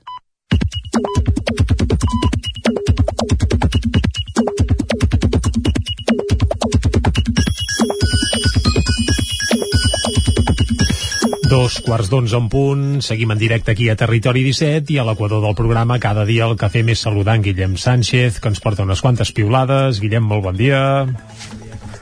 Uh, fantàsticament bé uh, i a més està plovent i això fa molta falta, per tant uh, ens alegra l'esperit i, i l'entorn i tot i tant eh. Guillem, va, per on ho arrencarem avui això? que no en parlàvem, em sembla. Ara, ara et sentim, eh? Em sembla que et teníem... Val, arrenquem-ho sí. pel futbol, va. Doncs va, eh, repassem alguns dels tuits que ens va deixar després del partit d'ahir, que suposo que també molts aficionats del 0 a 0, eh? Sí, els va deixar per això una sensació potser una mica més positiva que, que, altres, que altres dies. Ja diguem que la imatge del Barça almenys eh, és per sentir-se'n com... Bé, no sé si orgullós, però almenys diguem que no es van arrossegar. Però, correcte, sí. correcte. De fet, en aquest sentit, en Manel ens escriu, bueno, ja es pot tornar a ser del Barça. No sé si algú havia deixat de ser-ho durant algun període de, temps, però en Manel ja, ja ens obre la veda. Home, tornar... aquesta gent que si s'és del Barça a les verdes i a les madures uh, també és una mica fàcil eh? d'apuntar-se al car guanyador i prou són molt selectius a vegades uh, l'entrenador del Barça que és molt responsable suposem d'aquest uh, canvi d'imatge. Uh, a més de, de poder uh, fer aquesta, bueno, aquest, aquest canvi també té altres habilitats. Jordi, com per exemple diu Uh, en Marc diu, el Xavi si se li mulla el cabell no es nota, i de fet ahir ho vam poder comprovar perquè també en queia una al Camp Nou durant el partit sí, que, és cert. que tela.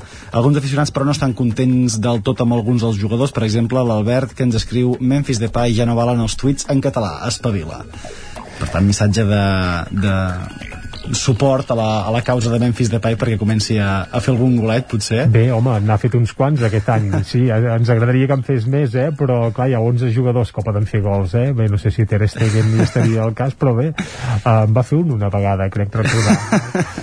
per tant, escolta... Uh, va, I en Jaume ens ho resumeix de la següent manera, diu hores i hores en tertúlies dient que no podem fer res perquè els joves són molt joves i els capitans són molt vells, partidars de tots ells. L'únic problema és l'absoluta mediocritat que hem fitxat en els darrers 5 anys doncs va, diagnòstic fet, ara falta poder-hi trobar una mica de solucions. Va, per exemple, anar a Munic i sumar I algun puntet i guanyar i cap a vuitens, va. Doncs va, canviant de tema, la Laura vol obrir un meló que podria ser una mica perillós. Ens escriu, quin fenomen socialment acceptat avui dia creieu que ens semblarà una bogeria d'aquí a 30 anys? Ella diu, jo voto anar de peu a l'autobús. No sé si també algun al cap ara mateix, Jordi.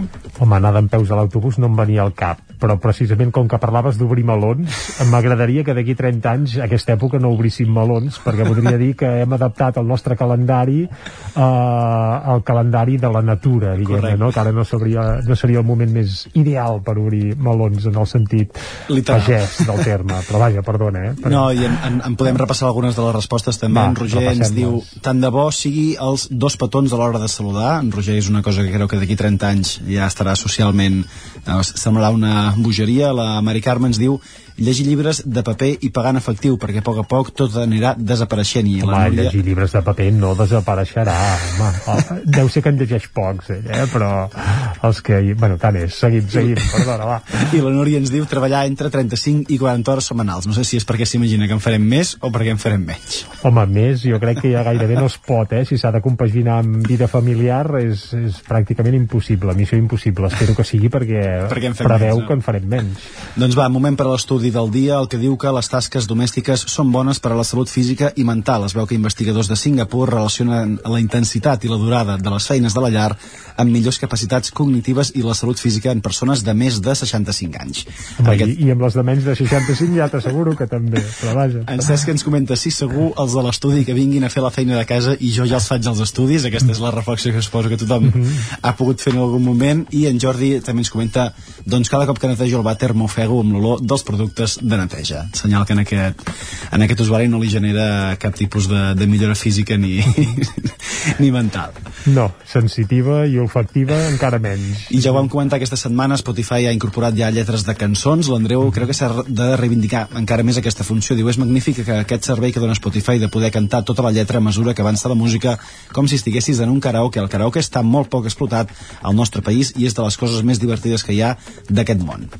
No sé si ho comparteixes o, o no ho comparteixes, Jordi. No he anat mai a un karaoke, per tant no puc acabar d'opinar amb coneixement de causa. Però bé, no hi he anat mai perquè també n'hi ha molt pocs, també cal dir-ho, eh? I menys a comarques. I de, parlant de noves tecnologies i de nous hàbits digitals, eh, també amb els mòbils, a vegades no són del tot compresos per tothom. En Carles ens escriu, acabo de demanar-li a una clienta que faci una captura de pantalla i em diu, eso me suena a pel·lícula de vaqueros. I per acabar, doncs, qui no s'organitza bé el dia és perquè no vol. En Marc ens tanca la secció d'avui dient suposo que fer un sofregit a les 10 de la nit és la meva manera de gestionar l'ansietat de la setmana. Esperem que li hagi quedat bo i que serveixi per fer uns bons macarrons o una bona pasta, ja que s'hi ha degut de, de dedicar a partir de les, de les 10. Bé, sempre és una bona hora per posar-se a la cuina i més si és per fer sofregits. Guillem, moltes gràcies. Que vagi bé.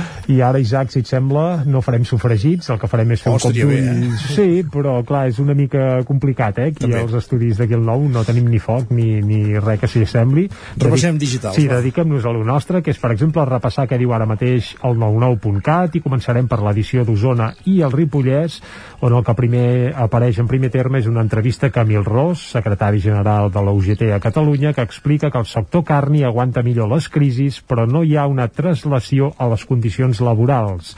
És a dir, que vaja, que haurien de millorar les condicions laborals de la gent que treballa, Queda sobretot el que escorxadors. diuen, sí. Exacte, sí, sí, sí, sí.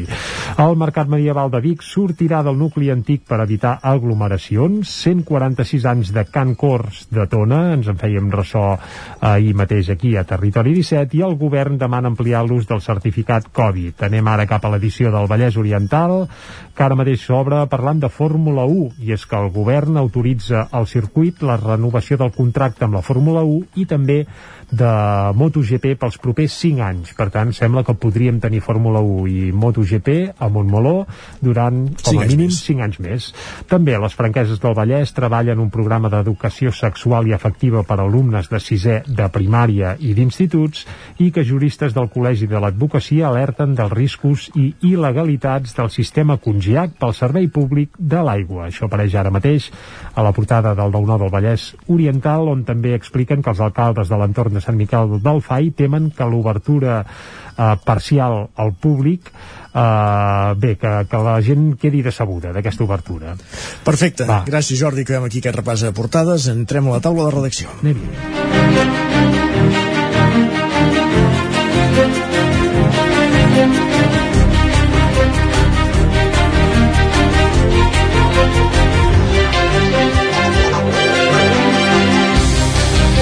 I a la taula de redacció parlem avui amb Guillem Freixa i amb l'Isaac Muntades. Guillem, bon dia. Molt bon dia. Parlem d'aquest eh, d'aquest acte de justícia que es feia dissabte a Taradell amb les famílies o en record a les persones represaliades pel, pel franquista, les víctimes del judici sumaríssims, diguéssim, que des del Departament de Justícia de la Generalitat doncs s'intentava reparar aquest dany, diguéssim, amb la, amb la nulitat de les sentències. Exacte, eh? aquest acte a Taradell és un procediment que la Generalitat de Catalunya va, va començar el 2017 en què es van uh, aconseguir recuperar, fer públiques, fer visibles aquestes llistes on hi havien uh, tots els represaliats per la, per la justícia franquista, la majoria d'ells uh, a causa de judicis sumaríssims, això vol dir uh, en els uh, anys uh, després de la, de la Guerra Civil, uh, principalment del 39 fins a meitat dels anys eh, 50, tot i que es van acabar allargant eh, pràcticament fins l'any eh, 1980, aquests judicis eh, sumaríssims, i en aquests acte de reparació, Taradell va organitzar eh, un esdeveniment de memòria històrica, de justícia cap a, als seus vilatans, tal i com va recordar també l'alcaldessa de Taradell, eh, Mercè eh, Cabanes i hi va haver la presència de la consellera de Justícia de Lourdes eh, Ciuró um, qui va participar en l'entrega d'aquest document que certifica la nulitat d'aquests judicis franquistes o d'aquestes causes que els havia imposat la justícia franquista a diversos uh, taradellencs. En concret són 45 famílies les que eh, van ser represaliades per aquesta justícia franquista en l'acte d'aquest eh, dissabte a l'Espai Cultural de Can Costa. N'hi van participar 41 la majoria d'elles amb processos que afectaven els seus familiars i que els van portar a la presó per diversos motius. Parlàvem amb alguns d'ells i ens deien motius ridículs que els portaven a, a en aquests judicis sumaríssims. Per exemple, parlàvem amb, el, amb la família de Jaume Bosch Bosch, que ell va ser regidor per la CNT a Taradell um, l'acabar a la guerra el, el pare li van recomanar ens ho explicaven les seves filles en el seu pare li van recomanar que marxés però ell va fer uh, l'argument propi de dir, ostres, si jo no he fet res, si l'únic que he fet ha estat militar en un partit i no tinc les mans tacades de sang, ni m'he ficat amb ningú, ni he fet cap delicte, no tinc per què marxar, no hi ha motiu per què marxar. Doncs uh, un dia a la nit uh, les uh, seves filles, Isabel i Maria Bosch, expliquen i recorden com eh, van a venir a buscar el seu pare, se'l van emportar a una presó de Barcelona i poc després acabava afusellat al camp de la Bota. Com dèiem això, eh, eh, la majoria van passar per presó, en el cas de Tradell hi van haver vuit persones que van ser afusellades, eh, entre elles també l'alcalde eh, Ramon Blasi Blasi, tenim altres casos com casos coneguts com el d'Anastasi Aranda, mestre de de la vila i en aquest acte de reparació eh, històrica i de justícia es va fer entrega d'aquest document de nulitat dels judicis franquistes acte molt emotiu, molt emocionant, també va comptar amb la conferència, amb l'explicació de la historiadora Assumpta Montellà, i ella eh, feia una reflexió interessant, eh? deia que la Guerra Civil Espanyola no es pot resumir en blancs i negres, perquè eh, hi ha molts matisos, hi ha molts detalls a, explicar, però que en el cas dels judicis sumaríssims executats per al règim de Franco sí que s'hi troben moltes i moltes eh, injustícies. Ara en repassàvem algunes, eh? gent que, eh, tot i que els hi aconsellaven marxar, ells deien jo no he fet res, no he fet mal a ningú, no marxo, i acabaven eh, empresonats i fins i tot afusellats. Es va entregar aquest document, es va també entregar una rosa a les eh, famílies i també es va destacar que la comarca d'Osona és la tercera de Catalunya que acumula més judicis eh, sumaríssims. 1.700 sentències feien referència a persones de la comarca d'Osona, just per darrere només del barcelonès i del Segrià. Per tant, eh, zones amb, amb, amb molta més població que la comarca d'Osona i una mostra que aquí a la comarca d'Osona la repressió franquista després de la guerra va ser eh, d'allò més elevada. Un acte de justícia que s'anirà repetint, eh, ho va dir la consellera, que s'anirà repetint en diverses zones i on els municipis municipis aconsegueixin també agrupar diverses famílies que volen participar en aquest acte de reparació històrica. Perfecte, Guillem, moltíssimes gràcies per acostar-nos a aquesta actualitat i anem cap a de Taradell, anem fins al Ripollès amb l'Isaac Muntades. Bon dia, Isaac. Bon dia. I parlem d'aquesta enquesta que vol promoure l'Ajuntament de Ribes de Ferreser sobre la idoneïtat o no de fer els Jocs Olímpics d'hivern o de promoure la candidatura. Exacte, sí, és uh, aquesta consulta popular que en principi doncs uh, si no s'acabés fent la de la Generalitat que segurament uh, al final acabarà amb res doncs perquè la Generalitat es farà. Però bé, en el cas que no es fes des de l'Ajuntament de Ribes sí que estan estudiant d'intentar fer com una consulta popular, un referèndum uh, això que deies, uh, una enquesta entre la població doncs per saber si cal fer als Jocs Olímpics d'hivern de, del 2030. Això venia arren, arrel d'una moció de, de la CUP que de fet es va retirar però eh, més que res no per al fet de fer el referèndum en què tots els grups hi estaven d'acord perquè evidentment doncs eh, Ribes de Freser des d'aquesta legislatura sí que s'ha encaminat cap a una, a una administració més participativa i han fet eh, o volen fer diverses eh, consultes, sinó més aviat perquè eh, els altres grups estaven eh, una mica dis discrepaven amb el que era eh, el text, els antecedents, no en els acords, sobretot en el cas de, de Junts per Ribes, perquè en aquest text doncs, es criticava molt el model turístic actual que hi ha a, eh, a la zona i no, no, veien, no veien clar. eh, sí que fins i tot els hi van dir que si canviaven el text que, que hi votarien a favor i des de Tots Fem Ribes, des d'Esquerra Republicana el que es va comentar és que potser seria interessant que la CUP en el pròxim ple doncs, presentés eh, una moció única i exclusivament en què es demanés de fer un referèndum a Ribes i que d'aquesta manera doncs, ells que hi havien votat a favor però que tampoc hi estaven del tot a favor i Junts per Ribes que hi hauria votat en contra però tampoc hi estava del tot en contra doncs s'hi podrien eh, sumar d'alguna manera i, i ser-hi uh, partíceps eh? en aquest cas també Esquerra per exemple eh, deia que tampoc que encara no coneixien massa del projecte i que evidentment doncs, eh, sí que hi havia dubtes però que eh, pot ser que, doncs, que aquests Jocs Olímpics al final puguin ser uns Jocs olímpics sostenibles, que puguin potenciar l'esport base i que tampoc no s'han de tancar la porta a no fer-se. I en el cas de Junts per Ribes sí que es va al·legar que una gran part de, de l'activitat que passa pel territori ve del turisme i per tant doncs sí que a, a ells sí que els interessava més i que també evidentment s'havia de veure el, el projecte eh, pel que fa a la CUP ells deien que això potenciava doncs, el monocultiu turístic i que provocava diversos problemes a, al territori com és el cas d'un despoblament, un envelliment de la població o una manca de serveis perquè no es diversifica doncs, eh, els sectors i, i tot es basa en el turisme. D'acord, doncs moltes gràcies Isaac per acostar-nos també aquesta notícia. Parlem més tard avui al Territori 17. Fins després. Fins després. Uh, tot seguit, uh, moment serà el moment aquí a l'espai matinal al Territori 17 de posar-nos al dia de lletra ferits, de parlar de llibres, com dèiem, després de, de parlar de la taula de redacció sobre aquesta qüestió de, dels Jocs Olímpics d'aquesta moció que es promou a Ribes per valorar aquest, per fer aquesta consulta a la població sobre la idoneïtat o no de fer aquests Jocs Olímpics d'hivern l'any 2030. Fem una petita aturada i com dèiem anem al Lletra Ferits al Territori 17. Territori, Territori 17. Territori 17.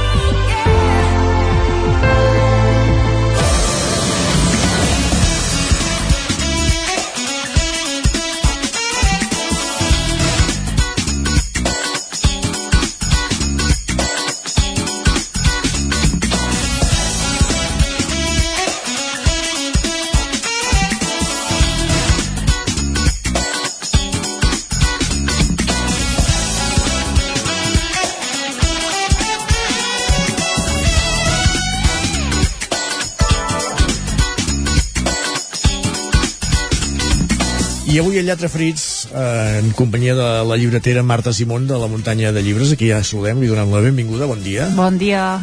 Parlem d'una obra, ja l'hem estat avançant durant el programa, aquest d'Isaac Denesen, aquest Lluny de l'Àfrica, publicada per Viena Edicions. Sí, exacte. Hi ha inicis de llibres que s'han convertit en clàssics. No sé si... Bueno, aquest és una mica complicat, eh, potser.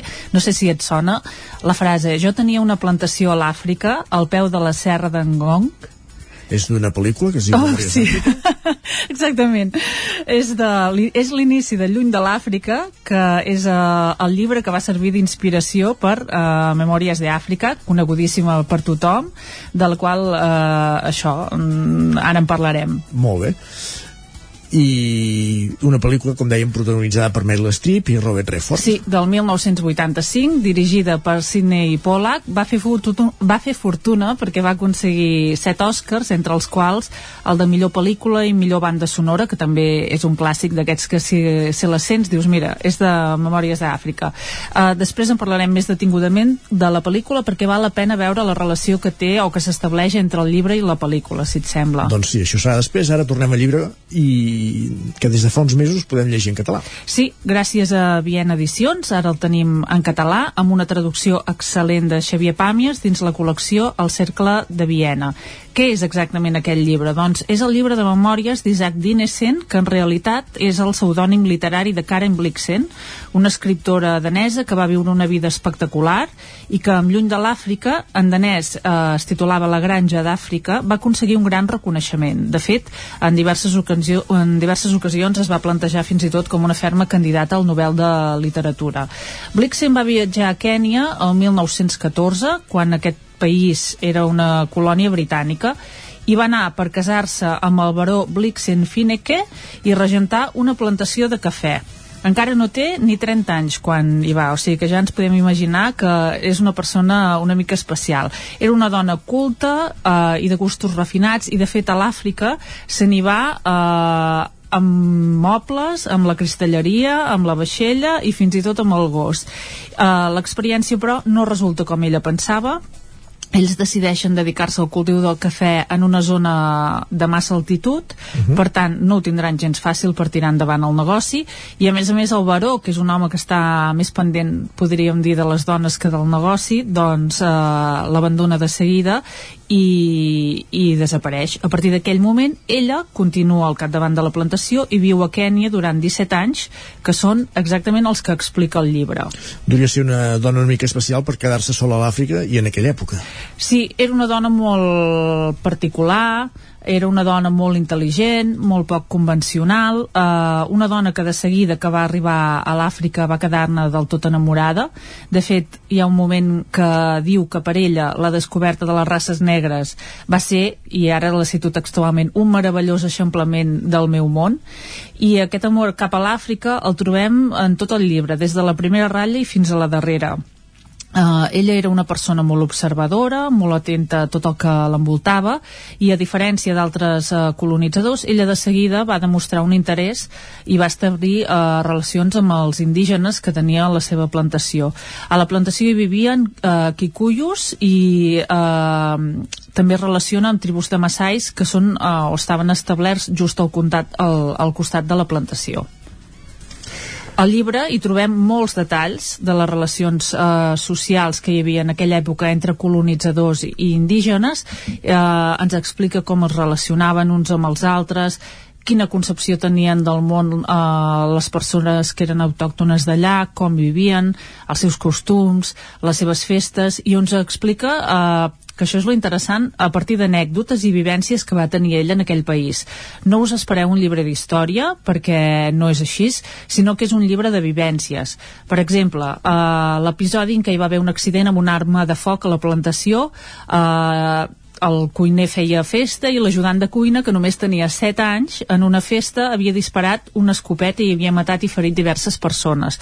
Doncs a partir d'aquí, Blixen explica com després eh, es va convocar un Kiama a la plantació, que és una assemblea dels ancians, eh, tolerada o autoritzada pel govern per dirimir les diferències menors i com es va anar allargant el tema infinitament fins que va acabar fent venir el cap espiritual dels Kikuyos perquè ho tanqués definitivament, no?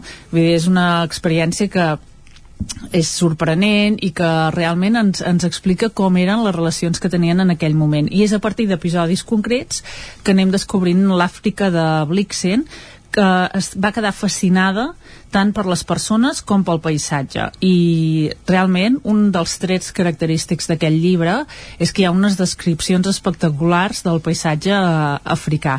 Per exemple, mira, et llegiré un fragment Sí, si tant, vols. Endavant. diu, els indígenes, és un fragment que demostra aquesta relació que tenien els indígenes amb aquesta aquesta eh, la fascinació que li va suposar tant als indígenes com al paisatge. Diu, els indígenes eren l'Àfrica en carn i ossos, l'alterós volcà extingit del Langonot que s'alça per sobre de la vall del Rift, les amples acàcies de la vora dels rius, l'elefant i la girafa, no eren l'Àfrica més pròpiament que els mateixos indígenes, aquelles diminutes figures enmig d'una escenografia grandiosa. I una miqueta més endavant diu, nosaltres, amb les nostres botes i anant com sempre anem amb tantes presses, desentonem sovint del paisatge. Els indígenes hi lliguen fins al punt que quan aquesta raça, alta, seca, negra i d'ulls foscos, viatja o treballa a la terra, o mena el bestiar, o fa els seus grans balls, és l'Àfrica mateixa que viatja, dansa i t'acull. Carai, déu nhi Sí, home, és un llibre, aquesta dona en sabia molt d'escriure, Ja ho eh? veig, sí, sí. I, I la de traduc- viure. Sí, i de viure també. I la traducció és fantàstica i realment disfrutes molt, um, et trasllada eh, per, físicament i et trasllada també espiritualment a l'Àfrica que ella hi va descobrir i pensar que ella, amb encara no 30 anys, eh, es va passar 17 anys allà, no? És com molt, molt espectacular. És el que anava... I va viure i sola sempre, ella, a l'Àfrica? Clar, ella va arribar, no?, casant-se i es va trobar que al cap de dos dies, doncs, ja es quedava sola, però sí, sí, uh, vivia sola a la casa de la plantació, però, a veure, formava part de la colònia britànica i per tant solia rebre visites d'altres europeus que viatjaven puntualment a l'Àfrica o bé eh, això de membres de la colònia britànica que vivien a, a prop. Sovint viatjava també a Nairobi, a la capital, i era una dona que li agradaven molt les relacions socials. I participava de reunions, organitzaven també festes eh, a casa seva, li agradaven molt els safaris, va participar en molts safaris, era molt bona caçant, i de fet un dels que sovint la visitaven era Dennis Finch Hatton, que era un aventurer eh, anglès, atractiu i culte de qui es va acabar enamorant i amb qui va viure una història d'amor apassionada. I el paper a la pel·lícula el interpreta Robert Redford. Exacte, és el paper eh, que interpreta Robert Redford a la pel·lícula i de fet, el que comentàvem abans no? que és curiós veure la relació entre la pel·lícula i el llibre, perquè la pel·lícula se centra bàsicament en aquesta història, tot i que eh, el llibre sí que es nota que Blixen hi té una relació especial, no? perquè explica eh, totes les coses que han fet junts, però no se centra ni molt menys en aquest fet. Dennis Finch Hatton eh, i la baronesa doncs, van compartir moltes nits, molts safaris, eh, moltes aventures a Kènia, eh, però és com un episodi més de, del que surt al llibre. Eh, Dennis Finch Hatton li agradava pilotar avionetes, de fet va ser qui li va permetre descobrir a la- a l'Àfrica des de l'aire, ella va compartir molts vols amb ell i ho explica, i clar, és una visió molt, molt sorprenent no? en aquella època de, del continent africà. I el que va passar és que al final va morir eh, aquest senyor en un accident aeri. Està enterrat allà eh, es pot visitar, de fet han, ha, hi han aixecat un monolit i es pot, es pot visitar el lloc on està enterrat i Blixen va quedar molt afectada i això també va coincidir amb el mal moment econòmic que estava vivint perquè la plantació no anava gens bé per culpa del preu baix del cafè però també perquè havien tingut problemes amb la sequia havien tingut plagues de llagostes. Ja ho hem comentat que el lloc on estava ubicat la plantació no era el més adequat per al cafè i al final es va arruïnar i va haver de vendre-s'ho tot. Fins i tot els mobles que havia portat de Dinamarca o Carai. sigui, sí, sí, va quedar a la ruïna total i per tant 17 anys després d'arribar a l'Àfrica eh, Blixen en va marxar i no hi va tornar mai més Però sí que hi va pensar sovint perquè em va escriure aquest llibre. Sí, exacte. A la tornada a Dinamarca, sense marit i sense diners, va començar a escriure contes sota el pseudònim d'Isaac Dinesen i el 1937 va publicar La granja d'Àfrica, que és aquesta la seva obra més coneguda. Uh, es va morir el 1962, amb 77 anys, i a tall d'anècdota, tant la casa de Kènia com la de Dinamarca, on després va escriure tota la seva obra, s'han convertit en museus i es poden visitar. I ella va haver de, de, de deixar-ho tot a, a l'Àfrica, eh? Ella ho sí, exacte. Ha publicat o va publicar, va publicar també altres llibres, eh? No sé si tenim temps de... Sí, sí, i tant. Doncs eh, trobem, per exemple, eh, dos volums dels contes, eh, Cuentos Completos, es diu el volum 1 i el volum, i el volum 2, els trobem en castellà, editats per De Bolsillo. Mhm. En català també eh, la mateixa editorial Viena, dins la col·lecció Petits Plaers, que ja en vam parlar fa unes setmanes aquí al programa, doncs té dos títols publicats, són contes, són molt breus, El festí de Babet i Erengard. Després també trobem un llibre interessant, publicat per l'editorial Confluencias, que és Conversaciones con Karen Blixen, que són entrevistes que li van fer a, a Nova York, a Roma també, perquè ella es va convertir després en un personatge important, eh? Ja ho hem comentat, que va estar eh, diverses vegades, va sonar com a Premi Nobel de Literatura. Doncs són eh, entrevistes que li van fer i que per tant també recorda la seva infantesa, eh, tot el que va viure a l'Àfrica, i després hi ha un altre llibre de Nòrdica Libros que es diu Cartes des de Dinamarca, que són cartes que ella va, va escriure i que també doncs, ens permeten veure d'una altra manera la seva personalitat. I ja per acabar, un llibre que no l'ha escrit ella, que és com una biografia molt documentada, La Leona es diu, de Tom Bach Swinty, no sé si ho he dit bé, això és d'Ediciones del Viento, i eh, ell el que ve dir és que la vida que ella va explicar a Memòries de, ai, a Lluny de l'Àfrica no va, no va ser ben bé així no? i aporta documentació, bé, parlant més de detalls, de problemes econòmics, de relacions eh, socials, de la part aquesta més amorosa, però bé, és com per complementar si, si interessa el personatge, doncs, totes aquestes vivències. Molt bé, doncs hem parlat d'aquesta obra d'Isaac Dinesen, que de fet és un pseudònim de Karen Blixen, eh, eh, aquesta obra lluny d'Àfrica i que diríem, vindria a ser, com dèiem, la, la protagonista de Memòries d'Àfrica. Exacte. Gràcies, Marta, per ser avui amb nosaltres al Territori 17 i acabem amb aquesta música, amb la banda sonora d'aquesta pel·lícula eh, multipremiada i multireconeguda. Que vagi bé. Bon dia, fins la setmana vinent. Ai, fins d'aquí quatre setmanes. Exacte. Adéu-siau.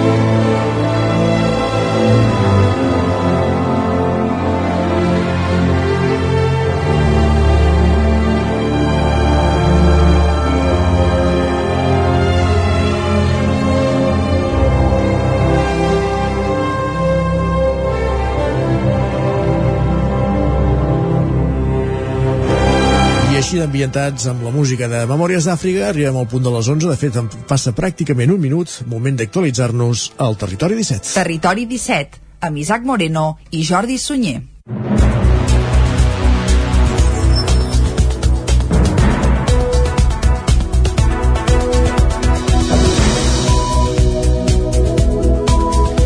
Aquesta hora els expliquem que la Generalitat ha decidit ampliar el certificat Covid en restaurants, gimnasos, centres esportius i residències. El document serà necessari per accedir-hi a partir d'aquest divendres si el Tribunal Superior de Justícia de Catalunya ho avala. El govern pren la mesura davant el risc alt de la situació actual de la pandèmia i perquè tots els indicadors epidemiològics van en augment. Argumenten que l'ús del certificat Covid en aquests espais té sentit perquè el coronavirus es transmet sobretot en llocs tancats, poc ventilats i on és difícil mantenir la distància d'un metre i mig entre persones. Fins ara el passaport Covid només es demanaven l'oci nocturn i els banquets amb ball. Des del govern asseguren que l'ampliació de l'ús del certificat no obliga a la vacunació, perquè la no infecció també es pot acreditar amb el resultat negatiu d'una prova PCR o un test d'antígens. En el cas de la restauració serà necessari per accedir als interiors, una mesura que des del sector es veu amb bons ulls. Ho valora el gerent de l'Associació d'Hostaleria i Turisme del Moianès i Osona, Antoni Dinarès. Estem d'acord amb, amb el passaport Covid perquè sabem positivament que el departament també està estudiant la disminució d'aforaments i d'horaris i, per què no, un possible tancament. El que no voldríem és trobar-nos com l'any passat que després del pont de la Puríssima ens van fer tancar i la gent ja havia comprat eh, el producte. Llavors el mal menor és el passaport Covid. De moment, el govern no es planteja demanar aquest passaport ni a teatres i auditoris ni tampoc als cinemes. Osona és el grup de comarques catalanes amb una afectació econòmica menor en la crisi del coronavirus, segons l'anuari econòmic del BBVA. L'estudi situa la construcció i la indústria com els sectors més afectats a la comarca durant el 2020 i també estableix que Osona encara la sortida d'aquesta crisi en una situació millor que la crisi financera del, del 2008. En el marc de l'impacte econòmic excepcional que ha suposat la crisi de la Covid-19, Osona està entre les nou comarques catalanes amb una contracció menor del valor afegit brut durant l'any 2020 i és la que té l'índex més baix a les comarques centrals, amb una davallada del 8,1%. La mitjana de la reducció a Catalunya ha estat de l'11%.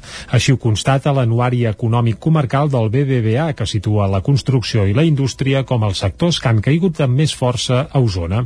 La indústria alimentària, que representa el 41% del valor afegit brut industrial a la comarca es va contreure només un 7%. Ho detalla Josep Oliver, director de l'Anuari Econòmic Comarcal 2021. Jo crec que és perfectament compatible dir la indústria alimentària va aguantar més que el conjunt de l'activitat amb, amb què la indústria alimentària l'any passat va caure, agregadament per Catalunya va caure més del 5, en el cas d'Osona me pareix el 6,9% aproximadament, però eh, diguem, seria amb els indicadors que tinc d'afiliació i d'activitat seria impensable que amb una, una caiguda mitja a Catalunya de més del 5 a Osona hi hagués hagut creixement. Eh? Jo crec que les dues coses són perfectament compatibles. Menor caiguda i, per tant, més resistència, però caiguda també.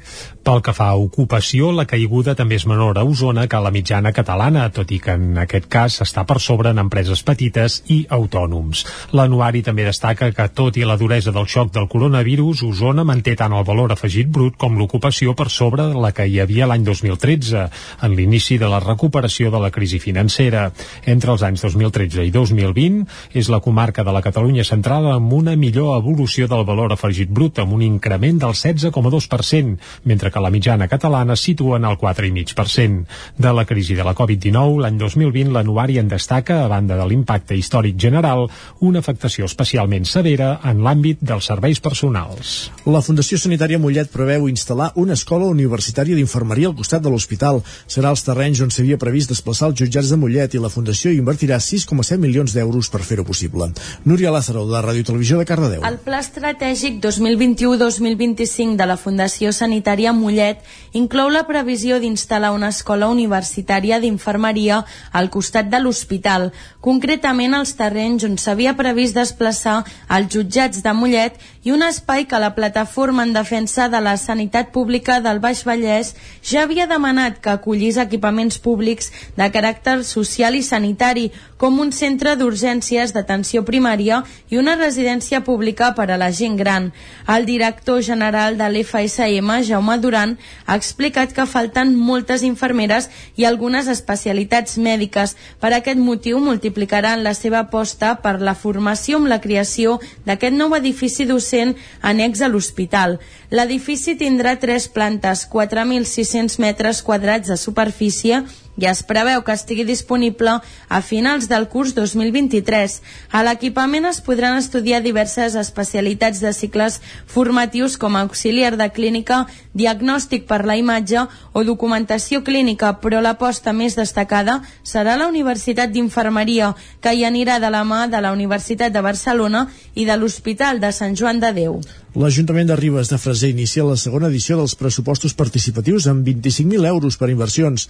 Isaac Muntades, des de la veu de Sant Joan. L'Ajuntament de Ribes de Freser ja ha encetat la segona edició dels pressupostos participatius per l'any 2022, que com l'any passat comptaran amb una partida de 25.000 euros pel capítol d'inversions. L'alcaldessa Mònica Sant Jaume va recordar que les propostes es poden presentar fins al dia 30 de novembre a la web del projecte decidimribes.cat o de forma presencial, a través de la butlleta al fulletó que ja s'ha repartit a tothom, a la l'oficina de turisme i el consistori. Un cop finalitzat aquest procés, s'obrirà una fase en què els serveis tècnics validaran que siguin inversions, que siguin temes de competència municipal, que no contradiguin els plans aprovats per l'Ajuntament o que siguin legals. Les propostes que superin el tall entraran en una votació popular en què hi podran participar tots els empadronats a Ribes que com a mínim tinguin 16 anys. Sant Jaume va detallar com estava el compliment de la inversió que va sortir guanyadora l'any passat. Els primers pressupostos participatius, el resultat que en va sortir va ser uh, l'elaboració d'una àrea d'autocaravanes. S'està treballant, és més complicat del que ens pensàvem, tot i que uh, l'any passat quan es va veure viable que aquesta opció, que aquesta inversió tirés endavant era perquè es veia la necessitat de que Ribes pogués tenir una àrea d'autocaravanes. El ser un equipament específic no ens ha estat fàcil de trobar, el POUP de Ribes és molt complicat, però aquests 25.000 euros els seguim mantenint per poder desenvolupar aquesta àrea d'autocaravanes i serveis tècnics i continuar treballant. Sant Jaume volia que l'aparcament fos un espai on es poguessin buidar aigües brutes i netes. Això sí, l'alcaldessa va recordar que la tercera opció, que era la millora del parc infantil del passeig, ja s'ha dut a terme. Des de l'oposició, Joaquim Roquer, de Tots Fem Ribes Esquerra Republicana, va advertir que no s'havia fet cap canvi respecte als pressupostos participatius de la primera edició, que es podria destinar a alguna altra partida que no fos només a inversió i que el cost de fer la campanya anava a part dels 25.000 euros, tot i que estaven d'acord que es fessin perquè era un procés participatiu. Roquer també creia que s'havia de fer un canvi en el model. Nosaltres ens referim que les idees no siguin individuals i anònimes. El que volem, o que creiem que seria molt més útil, és que siguin públiques i col·lectives. Sigui, creiem que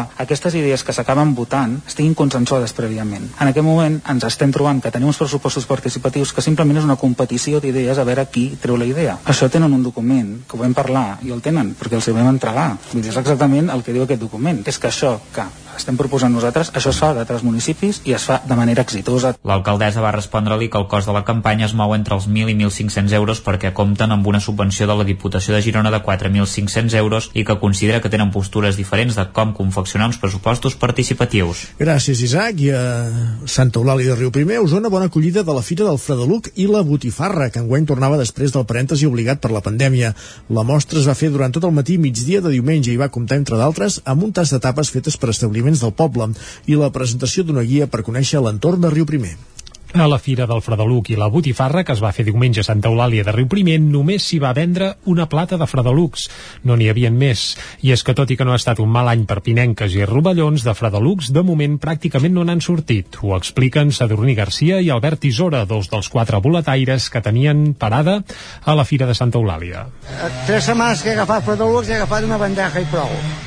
No han sortit aquest any.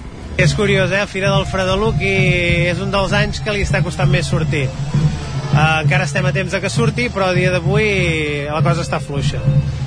Han sortit a contagotes. Però bueno, el Fredolí, com que tenim temps fins a finals de desembre, gener, uh, suposo que en sortirà, però no per la fira amb el temps que està fent avui ja et ben asseguro que si no fa fredurades molt bèsties segur que en sortirà algun de Fredeluc Isaac. Uh, la manca de Fredelucs però no va impedir que la fira fos un èxit tant d'expositors com de visitants i és que d'activitat a Santa Eulàlia n'hi havia per tots els gustos, jocs pels més menuts exhibició de tall de fusta amb motosserres o música en viu a càrrec de Ramon Redorta que no va deixar de tocar durant tot el matí.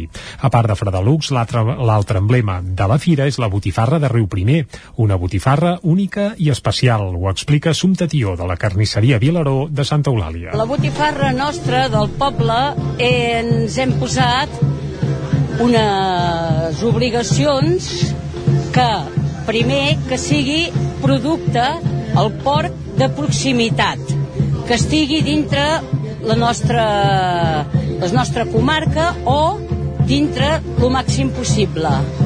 Després, també eh, la fem natural, el màxim natural que puguem, amb tripa natural i menys additius possibles.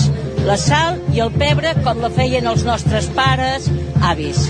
Això és el que ens hem proposat i això és el que creiem que estem fent molt bé.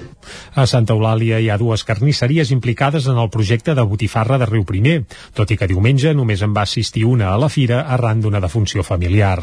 L'activitat de la mostra es va completar amb una sortida guiada al bosc per anar a buscar bolets, la presentació de la guia Riu Primer i el seu entorn i un tast de tapes. Una desena d'establiments del poble en van arribar a servir més de 3.000, una xifra que referma la bona acollida d'una fira que amb Fredolix o sense l'any que ve tindrà continuïtat amb la quarta, de, amb la quarta volem dir, edició. Els joves corredors de l'Escola de Trail del Moianès dominen totes les categories en la quinzena Enric Reis disputada aquest cap de setmana a Castellterçol. Caral Campàs, des d'Ona Codinenca. Unes 150 persones van participar en la cursa de muntanya dominada pels corredors de l'Escola de Trail del Moianès en totes les categories. El centre excursionista de Castellterçol va poder recuperar la seva festa de l'esport després de la pandèmia aquest cap de setmana. Carreres per diversos nivells i una caminada popular que van servir per gaudir de la natura en família pels entorns del poble. Pel que fa a la part més competitiva, va destacar, com dèiem, l'Escola de Trail del Moianès. De fet, els guanyadors de la prova de 12 quilòmetres van ser els joves Biel Segués i Jan Castillo, que van entrar junts a meta. Els dos joves locals de categoria cadet i juvenil eh, van fer un temps de 54 minuts i 25 segons. Uh, doncs el vial ha sortit rapidíssim i aleshores jo l'he intentat anar seguint i bàsicament ha sigut això una mica, eh? anar-me enganxant, ell anar tirant i pues, anar-nos ajudant els dos i ja està, i la cursa ha sortit així. Així, però ell anava sobrat. He començat fort, he anat fent, em notava bé, hem començat a pujar, anar fent bé, ell animant tot el rato, que si no fos per ell encara estaria, encara estaria corrent, i bueno, junts fins al final. La també Castel, Castellterçolenca Uma Plans de categoria cadet va guanyar la cursa femenina amb un temps d'una hora i sis minuts també per davant dels corredors de categories sèniors. Des de l'organització valoraven positivament el retorn de les curses de muntanya a la comarca. Xavi Frank. Doncs mira, just ara després del Covid la veritat és que estem molt contents perquè és la primera cursa que fem així una mica ja una mica més amb normalitat hem tingut uns 150 participants entre caminaires i cursa i la veritat és que molt bé molt nivell i els ha agradat que és el que nosaltres volem Amb l'Enric Reis es tanca la temporada de curses de muntanya del Moianès per aquest 2021. Ara tocarà esperar fins a principis de gener, quan l'emblemàtica Dos Turons de Moià doni la benvinguda a la temporada 2022. Gràcies, Caral, acabem aquí aquest repàs informatiu. Un minut, perquè sigui un quart de 12, anem al territori sostenible. I avui en Jordi Givert ens acosta la realitat de la pedra seca en aquesta setmana dedicada a la pedra seca que avui protagonitza el territori sostenible. Jordi, com vulguis, bon dia.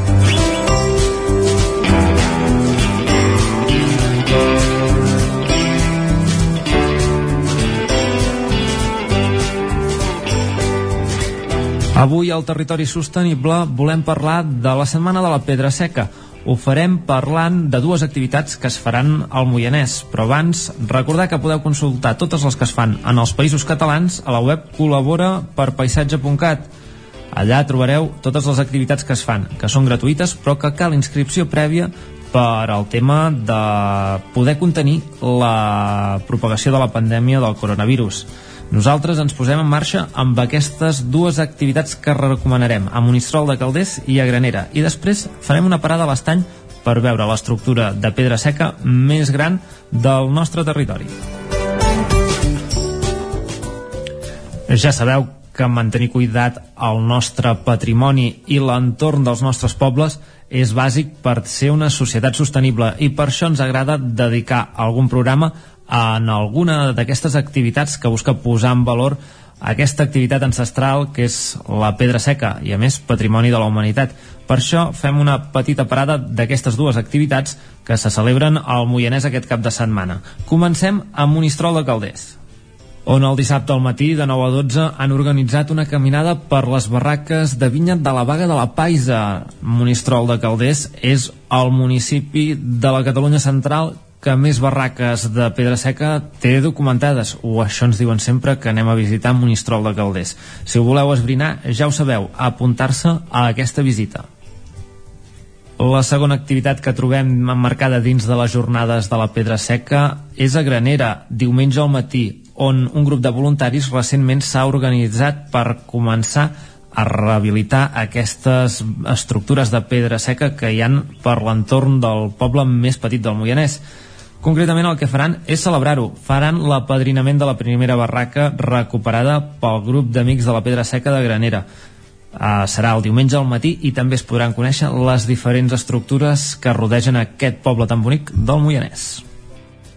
I ara sí, sortim dels estudis de la ràdio per acostar-nos fins a l'estany. Coneixerem l'estructura de pedra seca més gran del territori 17. Es tracta de la mina de desguàs de l'estany, que ha permès que el municipi el coneixem tal i com és ara. Allà ens espera la Marina Verdalet, de la Casa de Cultura de l'Estany, que ens explicarà tots els secrets sobre aquesta estructura de pedra seca. Hola, Marina, com, com anem? doncs molt bé, mira. En, ens hem trobat a, a, aquí, que és a, en una punta de, del municipi de, de l'Estany. Eh, estem a l'entrada de, de la mina, que és l'element patrimonial que hem vingut a visitar avui. Eh, ens pots fer cinc cèntims de, de per què es comença a construir eh, aquesta, aquesta obra d'enginyeria? Doncs i ho intentaré, Jordi. Mira, eh, mireu, la, efectivament l'estany porta com a nom, el poble de l'estany porta com a nom doncs, eh, aquest element geogràfic és un estany no, d'aigua. Eh, I efectivament, doncs aquí, en aquesta vall, si vosaltres arribeu a l'estany, us trobareu una, una vall on abans hi havia aquest estany i aquesta vall està envoltada de muntanyes. A més a més, aquesta vall té una formació d'origen endorreic que fa que s'elevi, que queda elevada just per la zona on aquest estany que es formava de manera natural recollint les aigües de la pluja, doncs precisament era per aquest punt on podria sortir, no? per aquest, aquesta zona nord d'aquesta vall, que queda elevada, és aquí on podria evacuar. I en canvi, doncs, precisament per aquest origen endorreic d'aquesta vall, que feia que s'elevés, doncs l'aigua quedava estancada i no podia sortir. Els monjos agustinians, quan arriben aquí, ara farà mil anys, doncs són els primers que intenten començar a treure aquesta aigua de l'estany que queda estancada, perquè ells els que es trobaran no és un estany molt profund, són aigües estancades, eh, o són aiguamolls, i ells el que voldran és treure l'aigua per dues raons, una per salubritat, per tema de salubritat, i una altra és pel tema de tenir terres de conreu a peu pla i molt fèrtils, perquè he explicat que aquesta vall està envoltada de muntanyes, per tant, aconseguir terrenys eh, traient, bueno, les muntanyes serà una cosa molt més complicada que ho hauran de fer igualment més endavant. Llavors, eh, de quina manera faran? Sabem que, almenys que estiguin documentats des de l'any 1321, sabem que ja existeixen uns recs. Per tant, vol dir que segurament molt abans, ja van començar a pensar com treure l'aigua a través de canals, recs a l'aire lliure, que conduïssin l'aigua que quedava estancat en el mig de l'estany cap a aquesta part super, eh, septentrional de la, de la vall, que és precisament on hi ha un baix, on hi ha un petit eh, trencament de, de terreny. Uh -huh. mm?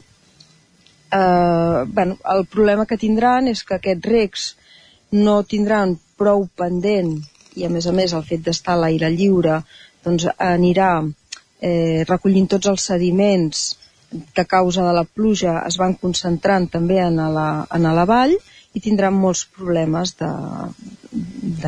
d'aconseguir aquesta sortida d'aigua, d'aquest drenatge. I no serà fins l'any 1734 que es començarà aquesta gran obra d'enginyeria. Sí, ja és a dir... passa gairebé tota la, tota l'edat mitjana i tota l'època moderna. Sí, és a dir, ells, els monjos agustinians començaran a drenar l'estany, l'últim abat de l'estany, que és en Carles de Cardona, l'any 1554, enfondirà i eixamplarà aquests recs que ja existia, però tampoc ni així serà suficient com per treure l'aigua. Haurà de passar, doncs... 200 anys més. 200 anys més, és a dir, que pràcticament seran una lluita que durarà 400 anys, no?, fins que es pugui construir la mina de desguàs, és a dir, fins que la tecnologia ho permeti.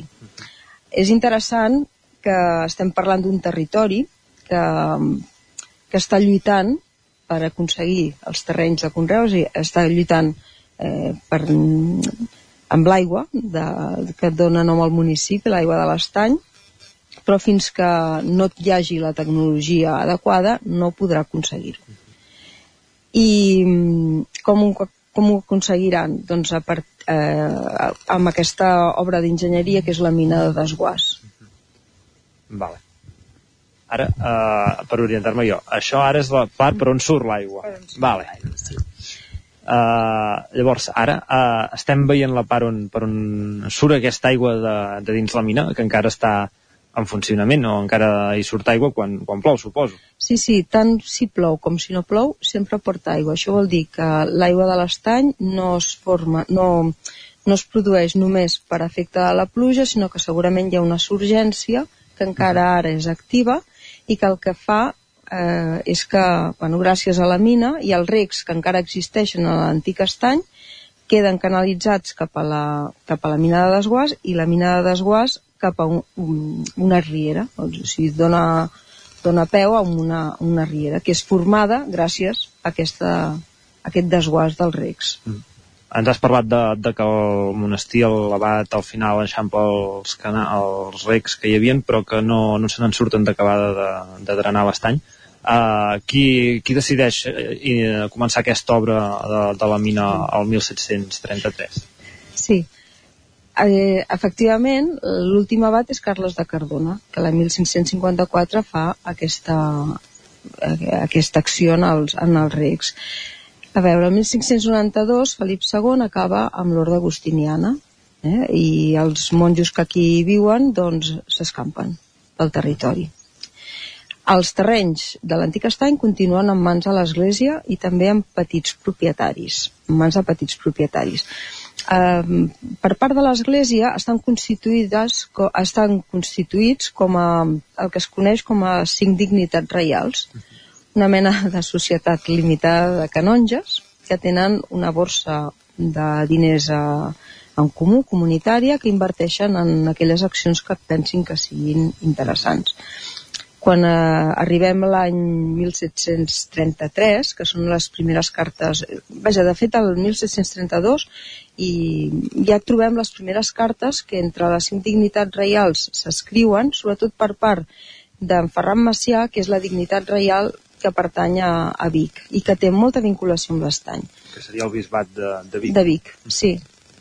Ells tenen, bueno, el, el que hem trobat, gràcies a també una investigació que s'ha fet recentment en el monestir, en l'arxiu del monestir, són aquestes cartes de les cinc dignitats reials que, eh, on en Ferran Macià explica que la gent de l'estany doncs, eh, està marxant per, a causa de la insalubritat del terreny, els joves no tenen feina, i, i, bueno, i es busquen la vida fora. Llavors intentarà, i, i ho aconseguirà, eh, que els altres puguin invertir calés amb el que és la, la mina de desguàs. Tenim la sort d'haver trobat també recentment aquest contracte d'obres que permet datar perfectament la mina com a obra d'enginyeria civil de l'any 1734 al 37, aquests tres anys de construcció de la mina, en totes les dades que permeten, a més a més, doncs, mm, parlar d'una obra que va costar molts diners, eh, les, mm, permet també calcul, bueno, el, ens parlen dels, del pendent que havien de tenir aquest, el ric del mig que es convertirà en la mina i, i tot el, tota una sèrie de dades que fan que aquesta mina realment tingui molt de valor i que encara ara, a més a més, tingui la seva funció, que és la de drenar l'aigua que es concentra contínuament en el, vas de l'estany. Quan, quan van tardar a construir-la? Tarden 3 anys. 3 anys. El que faran és una, és una obra... L'obra comença per aquí, per la boca nord de la mina, on ara estem nosaltres situats, és a dir, a la zona on abans hi havia el rec, el rec del mig, que passava per sota d'aquest pont medieval, que encara el podem observar, és el Punterró, que és un camí, que és un pont que unia doncs, el camí de Vic amb, eh, amb l'estany. Per tant, si ja existeix documentat més o menys de l'any 1500, que, que se'ns parla, trobem documents que en parlen del Punterró, vol dir que ja existia per poder passar per poder eh, passar aquest rec, passar aquest rec eh, que, que estava a l'aire lliure. Molt bé. Doncs, eh, Marina, gra gràcies per, per aquesta visita que, que ens has fet a, en aquesta mina de desguàs, que és impressionant. Uh, esperem tornar aquí l'estany per seguir visitant altres elements patrimonials que teniu. Moltes gràcies.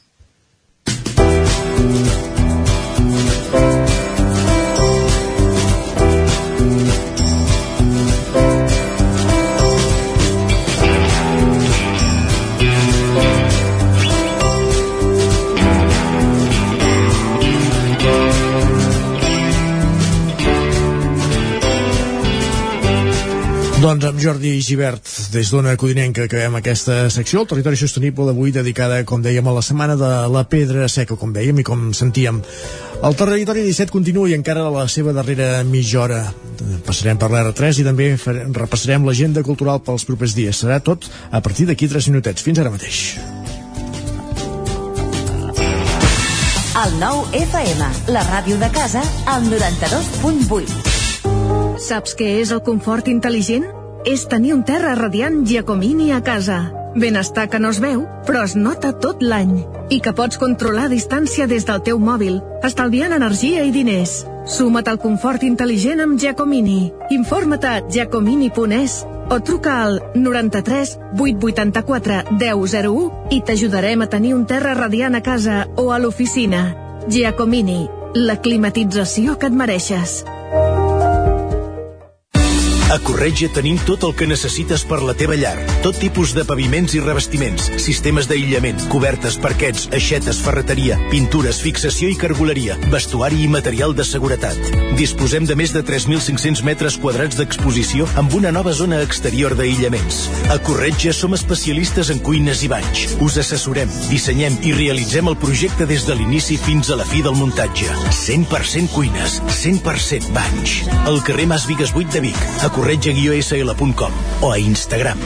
100% materials per la construcció i la decoració. 100% corretja. El racó de León. Gaudeix de la nostra terrassa. Vine a tastar les xuletilles de lechal a la brasa amb una bona amanida o el xuletón de vedella gallega. No et pots perdre el nostre lechado de Castilla al forn o el cochinillo a l'estil de Segovia. Tot acompanyat del millor celler, al menjador o fora la terrassa. Descobreix la millor cuina de Lleó sense moure't de casa. Vine amb la família, els amics, la parella o sol. T'encantarà. El racó de León, cuina tradicional lleonesa i de mercat. Som al carrer Torelló número 35 de Vic. Per reserves, telèfon 93 889 1950. El racó de León, una cuina diferent. Som especialistes en cargols a la llauna. Vine a tastar-los al racó de León. A la llibreria Mater hi trobaràs material escolar i d'escriptori, llibres, revistes i el millor regal. T'esperem amb una gran varietat de novel·les, llibres d'assaig, poesia, contes i moltes novetats editorials. I per anar ben equipat a l'escola tenim motxilles, estoig, carpetes, llibretes, bolígrafs i molt més. Recorda que amb la targeta client tens descomptes. Mater, llibreters amb vocació des de 1957. Llibreria Mater. Ens trobaràs al carrer Pla de Balanyà número 23 de Vic i a mater.cat. Tenim quaderns de vacances i les novetats amb motxilles i estoig de la marca Kipling. T'esperem. Anuncia't al 9FM. La màquina de casa. 9 3 8 8 9 4 9 4 9. Publicitat arroba al 9FM.cat. Anuncia't al 9FM. La publicitat més eficaç. El 9FM, el 9FM, el 9FM, el 9FM, el 9FM. Territori 17. A Tren d'Alba. Cada dia els usuaris de la línia R3 de Rodalies que veuen sortir el sol des d'un vagó ens expliquen les gràcies i les penes del primer comboi que uneix Ripoll i Barcelona. Benvinguts a Tren d'Alba. Avui completaré la informació de l'odissea que van viure els passatgers de l'R3 que es van quedar atrapats a l'estació abandonada de Montcada i Reixac Sant Joan per una avaria. Segons explicaven els usuaris, l'única alternativa que se'ls va oferir va ser baixar del tren i anar a la següent estació, que era a Manresa i estava a només 5 minuts a peu. El problema és que l'estació estava tancada a pany i forrellat i una tanca els separava del carrer. Com que ningú tenia les claus, els usuaris van haver de fer una classe d'escalada per poder sortir d'allà. Algun viatger es va fer un tall a les mans. Es va posar en risc la seva integritat física i se'ls va tractar d'Indiana Jones. A més, entre els passatgers també hi havia persones grans. En fi, us deixo amb en Jordi Valls perquè ens expliqui com va tornar ahir de Barcelona. Hola, molt bon dia. Aquí la Glòria des de l'estació de Sants. Ja fa unes setmanes que en lloc d'agafar el primer tren vaig amb el primer bus que surt de Torelló. És un bus que surt a dos quarts de sis del matí, que arriba a les sis a Vic i a les sis agafa un altre autobús que arriba 10 minuts abans de les 7 a, a Barcelona i això em permet a les 7 i 5 ja ser a Sants. És a dir, mitja hora, tres quarts abans del que arribaria si, si vingués amb tren. I això he decidit de fer-ho així per raons que suposem, que suposo que entendreu perfectament i és que aquest primer tren és molt poc fiable i en canvi amb l'autobús sí que arribo puntual a una hora molt raonable per poder-me posar a treballar a les 8 que és l'hora que jo començo i no res com us podeu imaginar, aquestes hores no hi ha ni temps per llegir, només dormir. Hi ha moltíssima gent en aquest autobús, tant el de Torelló com el de Vic, i jo sempre faig la broma de que és com un gran llit. Paguen, apaguen fins i tot el, el llum, i com que està tan fosc a fora, tothom dorm. Hi ha molt poca gent que treballi en, aquelles, en aquest viatge.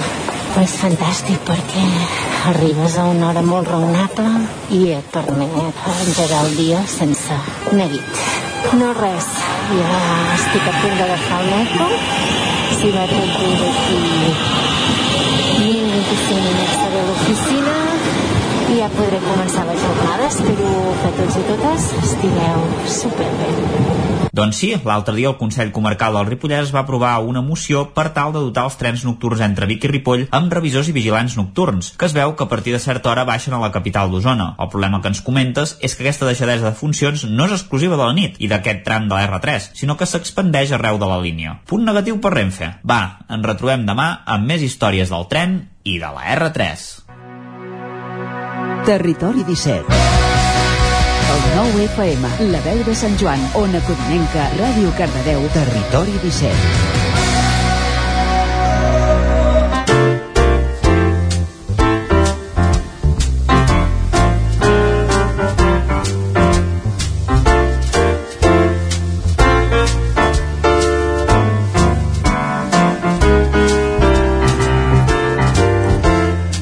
Tres minuts i mig que passen de dos quarts a dotze i en aquesta hora, al Territori 17, com cada dimecres, comencem aquesta roda per conèixer l'agenda cultural dels propers dies als dif a les diferents àrees que que abastem des de les emissores del Territori 17.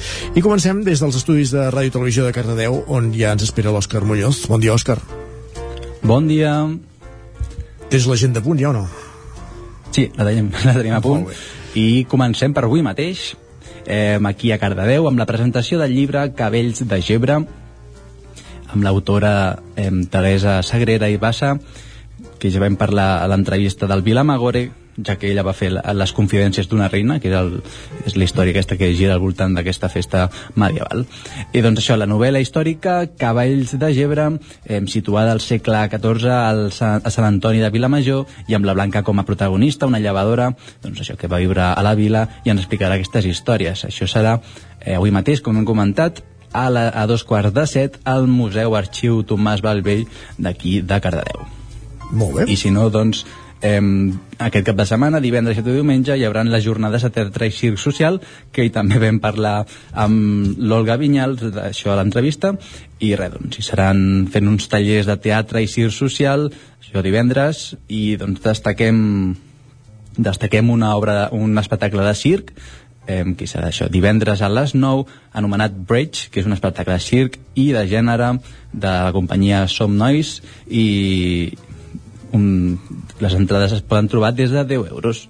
I si no també destaquem d'aquestes jornades de circ social diumenge eh, a, durant la tarda es farà eh, l'espectacle Zona Vermella a càrrec de l'art escena social al projecte guanyador SOS Cultura de la Fundació Cruïlla al 2020 hi haurà unes places eh, limitades i les entrades també es podran trobar des de 10 euros a les taquilles al Teatre Auditori de Cardedeu o online Molt bé.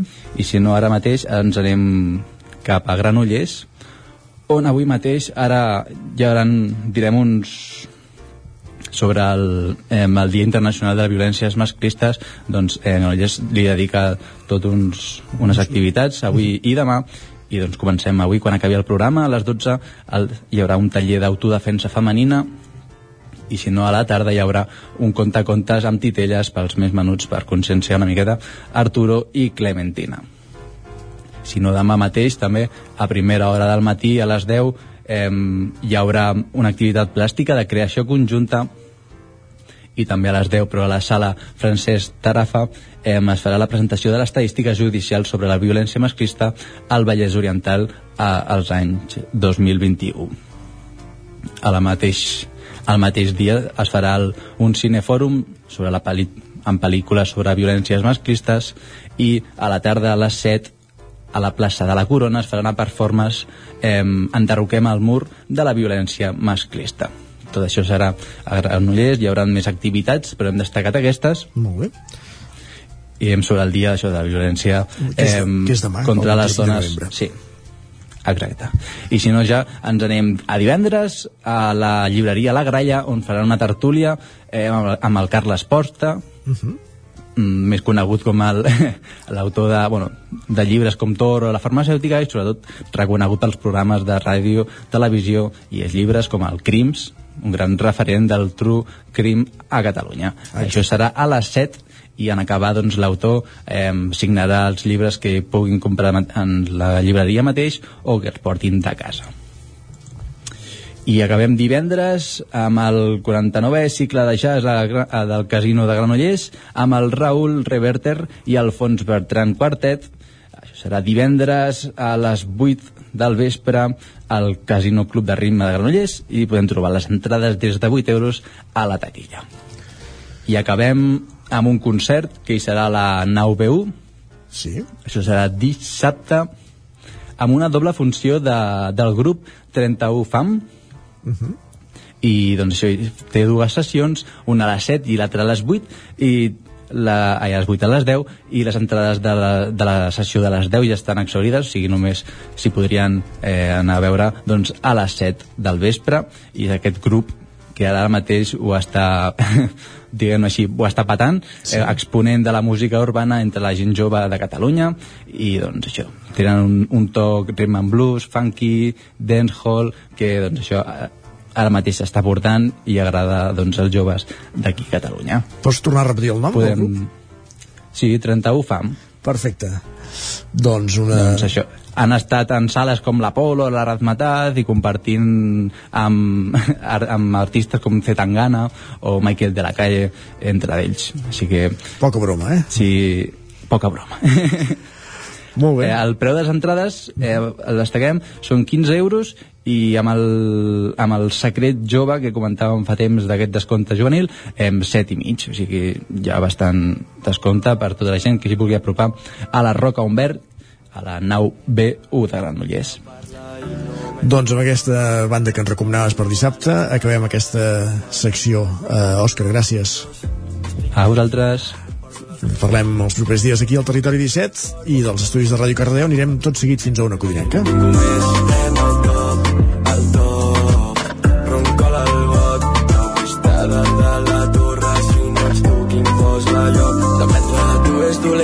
sé, de tu, però depèn de tu. Vull comptis amb mi, nena, quan no comptis amb ningú. Las niñas se nos acercan, nos dicen qué tal, veniros con nosotras, queremos bailar. Pidamos un cubata, que más, que la noche del gato acaba de empezar. Con mi clica no falta de nada, no falta de nada. Siempre con ganas de más, Valentina se me acerca y me dice ¿qué te pasa? ¿Dónde has estado que no has dormido en casa? 30 fa amb Valentina, aquesta cançó que estem escoltant, aquesta banda que actua dissabte, com ens explicava l'Òscar a Granollers. Anem, de, com dèiem, de Ràdio Televisió de Cardedeu a una codinenca. Caral Campàs, bon dia de nou. Hola, bon dia. I això, porta'ns l'agenda la, d'aquesta zona del Vallès, del Moianès. Sí, mira, us parlaré sobretot ara d'actes pel que fa a cultura enmarcats en el Dia Internacional també per l'eliminació de la violència de gènere contra les dones, que és, com bé sabeu, demà. Ah, I començo pel Moianès. Tenim una proposta teatral a l'Espai Amalosa de Santa Maria d'Oló, la plaça del Diamant de Mercè Rodoreda, una producció de la CIA Mea Culpa. Mm, Això serà diumenge a les 6 de la tarda, com deia, a l'Espai Amalosa de Santa Maria d'Oló. Les entrades anticipades tenen un preu de 12 euros i a taquilla doncs 15 euros i és un acte, com hem comentat al butllet informatiu, eh, organitzat des del col·lectiu de dones d'Olor. Eh, I també al Moianès i també en el marc doncs, eh, d'aquesta jornada reivindicativa a Monistrol de Calders tenim Cinefòrum a la sala petita Uh, es projectarà la pel·lícula Totes les dones que conec això serà dissabte com deia, la sala petita de Monistrol de Calders a les 7 de la tarda i és una, una projecció gratuïta. I us comento també al Moianès, més cinema, en aquest cas al, al Centre Espai Escènic de Castellterçol, eh, es projectarà Overseas uh, és un film d'origen xinès això serà dissabte a les 7 de la tarda també és d'entrada lliure eh, i també doncs, està organitzat en el marc d'aquesta jornada. I seguim també eh, parlant de, del 25ena en aquest cas a Vigues i Riells del FAI també hi ha diverses activitats, igual que al Moianès, una, us n'he destacat algunes i sobretot les que estan emmarcades en, en cultura, pa, perquè estem parlant de gent de cultural, i en aquest cas, doncs, a Vigues i Riells del FAI tenim, per exemple, aquest dijous, a l'espai 1 d'octubre, a partir de dos quarts de cinc de la tarda, l'espectacle de carrer Camino Sur, a càrrec de Hèlix Libera, Eh, també tenim dissabte, a dos quarts de nou del vespre, un espectacle de circ cabaret feminista a càrrec també de Hèlix Libera i Tussica Circ i també es llegirà un manifest a càrrec de la regidora d'Igualtat eh, Maite Escobar. També a Vigues i Riells del FAI tenim una exposició que es podrà veure fins al 30 de novembre, que és una exposició fotogràfica sobre la prevenció del càncer de mama, que porta per nom I si et toques i, i serà el vestíbul del Centre Cívic i Cultural al Rieral. Uh, també en el marc del 25ena, en aquest cas a Sant Feliu de Codines, tenim avui mateix l'hora del conte, el gran viatge de l'Arc de Sant Martí. Serà a partir de dos quarts de sis de la tarda a la biblioteca d'aquí Sant Feliu de Codines. Uh, és un conte sobre bé, la diversitat funcional, també hi haurà música en directe uh, i bé, això serà avui mateix a la tarda també uh, aquí a Sant Feliu de Codines aquest dijous tenim a les 7 de la tarda el monòleg Estimar sense morir amb Pepi La Villa uh, també a la biblioteca. És un monòleg que planteja una reflexió sobre la violència de gènere eh, i bé, aquest Estima sense morir és una adaptació de la novel·la de Dulce Chacón Algun amor que no mate. I seguim també amb aquests actes en el marc del 25 en aquest cas a Caldes de Montbui. Tenim teatre eh, avui mateix a partir de les 8 del vespre. Eh, l'obra teatral que ens proposen és Això és amor a càrrec de la cooperativa Trama. Eh, avui a les 8 del vespre eh, al casino de Caldes. Uh, i ja deixant de banda una mica els actes uh, pel 25ena us comento uh -huh. Dos propostes més culturals. En aquest cas a Sant Feliu de Codines. Una és aquest dissabte uh, de 6 de la tarda a 8 del vespre. Es presenta el llibre Pinzellades de llibertat amb l'autor Pere Piqué i és una presentació organitzada per Òmnium i serà al Centre Cívic La Fonteta. I també tenim teatre aquest diumenge a les 7 de la tarda Claymore, a càrrec del grup de teatre de Xalles 81, al Casal Cultural Codinenc. Això, a les 7 de la tarda, com deia, aquí al Centre Cívic. Perfecte, Caral, moltíssimes gràcies. A vosaltres. Que acabi d'anar bé aquest dimecres i anem fins a la veu de Sant Joan amb l'Isaac Muntades. Bon dia, Isaac. Bon dia. I també aquesta agenda que va plena d'actes eh, en relació amb el 25N, el dia, contra la, el dia de la lluita contra les violències envers les dones, que es commemora demà, 25 de novembre. Isaac, eh, endavant. Sí, mira, per exemple, a Ripoll el Consell de Dones eh, celebra doncs, un parell d'actes. El primer es diu Porta el teu pensament lila, que es tracta doncs, un joc de paraules, perquè pensament també és una flor, de plantar eh, flors liles al parc de l'estació dos quarts de sis de la tarda, i després hi haurà una xerrada a càrrec d'Eva Ferrer eh, també el mateix dia a les 6 de la tarda al casal eh, cívic de la Devesa del Pla i que cal confirmar doncs, en un correu per participar-hi. Uh, aquest dijous la, la Sarja, el grup feminista del Ripollès, organitza una manifestació contra les violències masclistes que començarà a l'Institut Abat Oliva a les 7 de la tarda i tres quarts d'hora després davant de l'Ajuntament doncs, de Ripoll se'ls farà un homenatge.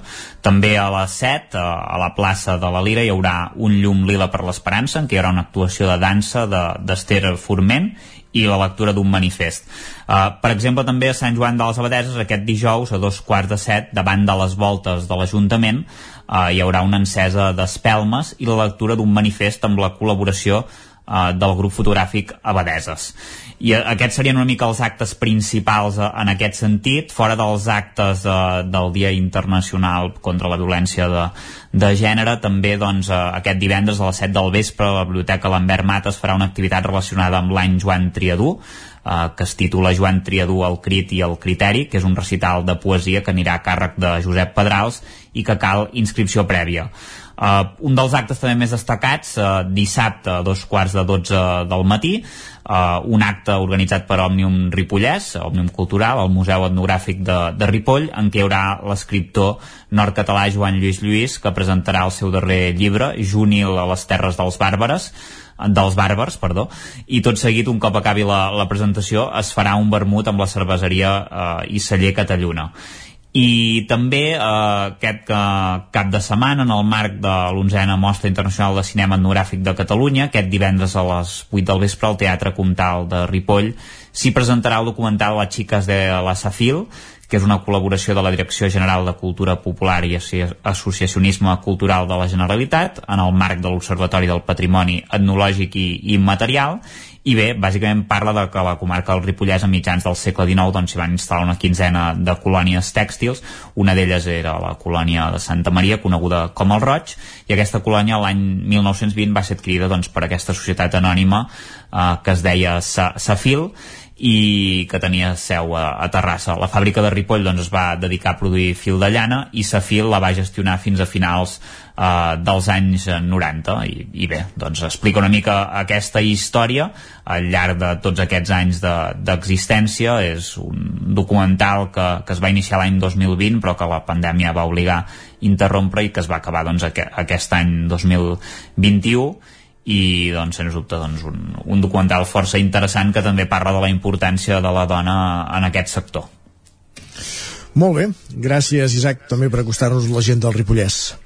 A vosaltres. Bon dimecres i acabem aquest, recut, acabem aquest recorregut als estudis del 9FM en companyia d'en Jordi Vilarrodà que ens acostarà als actes de l'agenda cultural a la comarca d'Osona pels propers dies, Jordi. Uh, endavant, doncs uh, som-hi. Potser primer hem de començar per fer una nota dient uh, el que no es farà perquè per primera vegada en moltes setmanes ens trobem un parell d'anul·lacions per culpa de, de contactes aquests.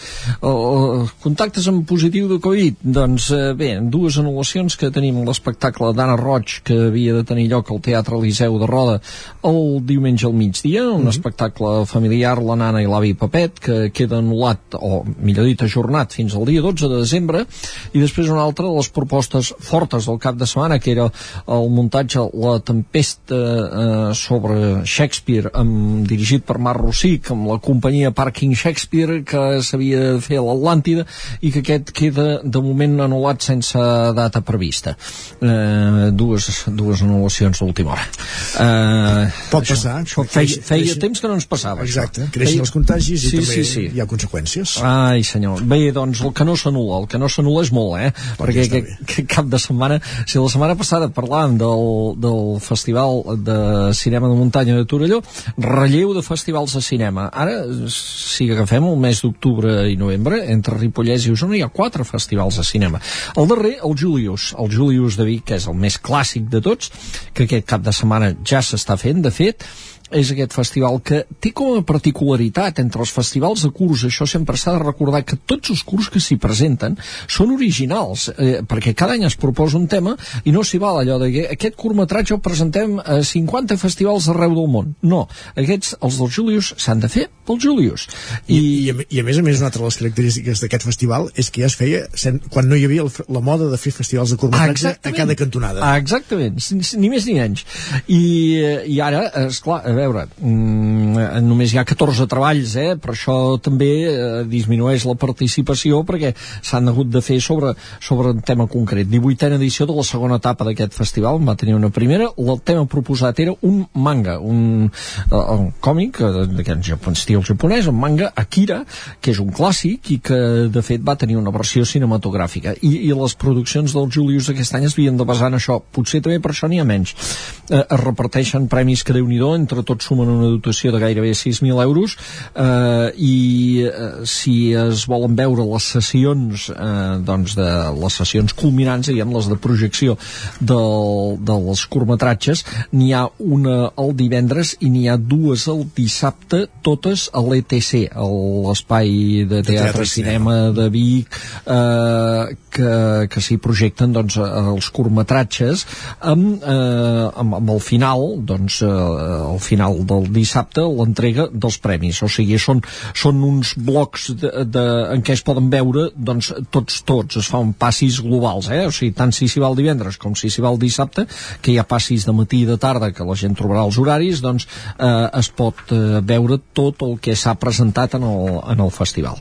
Eh, doncs bé, això proposta de cinema, una altra de les destacades aquest cap de setmana és un dels grans concerts a l'Atlàntida, en aquest cas és de l'Eudal Buch. L'Eudal Buch és un pianista que ara ja no podem dir que sigui una promesa, que és una gran realitat del piano. Eh, és de la Garriga ell, però s'ha format al Conservatori de Vic i és un dels talents en aquests moments emergents eh, en el món de la, de la música. Sobretot la seva especialitat doncs, és, és eh, l'obra mm, adaptada per piano, en aquest cas, de, de compositors del barroc com Bach o com Haydn, que són dos dels que interpretarà juntament amb una sonata de Liszt en el concert que tindrà lloc divendres a la sala Joaquim Maideu de l'Atlàntida a les 8 del vespre. Podem escoltar el que va ser el concert de final de, de l'especialitat de música clàssica contemporània l'any 2019 a l'Esbuc, de l'Ou del Buc. Mm.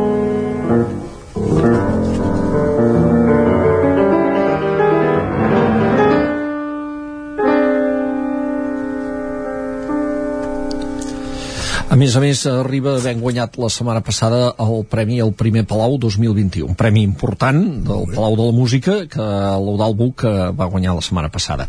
Eh, també entre les propostes destacades hem de, de posar de relleu la del Sirvianum el divendres a les 8 del vespre, per tant, incompatible amb una d'aquestes que hem dit anteriorment, és eh, un espectacle que es diu Unravel, eh, és del ballarí Àngel Duran Duran, que és de l'Esquirol, també és una de les figures emergents de la dansa, i fa un espectacle que es basa en, en els treballs que s'han fet dels testimonis de treballadores de, o treballadors de les filatures, o sigui, per tant, té una connexió molt important amb la realitat de, amb la realitat nostra, amb la realitat històrica que hem viscut aquí en aquesta comarca.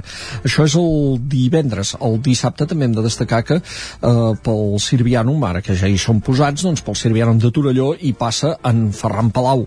En Ferran Palau, el músic que farà un concert a les 8 del vespre del, del dissabte. Regalim amb gotes d'aigua.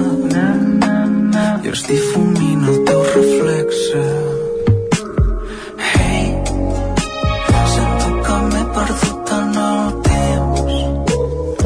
Podem continuar. I aquí tenim una cançó del seu últim disc del Parc, que és el que presentarà. Si volem quedar-nos ja al Sirvianum per acabar d'explicar tot el que hi ha, el diumenge a les 6 de la tarda hi ha Marcel Gros, que és eh, clàssic entre els clàssics del clown eh, casa nostra, eh, que, que també hi actuarà. Eh, ja que parlem de clown, també hauríem de destacar que el diumenge a les 12 del migdia al Casino de Vic, una clown que és la Montse Galuardes i presenta un espectacle nou per públic familiar que es diu Nikita de Nippon eh, a la seva trajectòria ha fet clown eh, per tots, per tots els públics, o sigui, des de públic d'hospitals, perquè actuen hospitals, fins a públic familiar, com és aquest cas, fins a, a clown per adults, com era el seu darrer espectacle.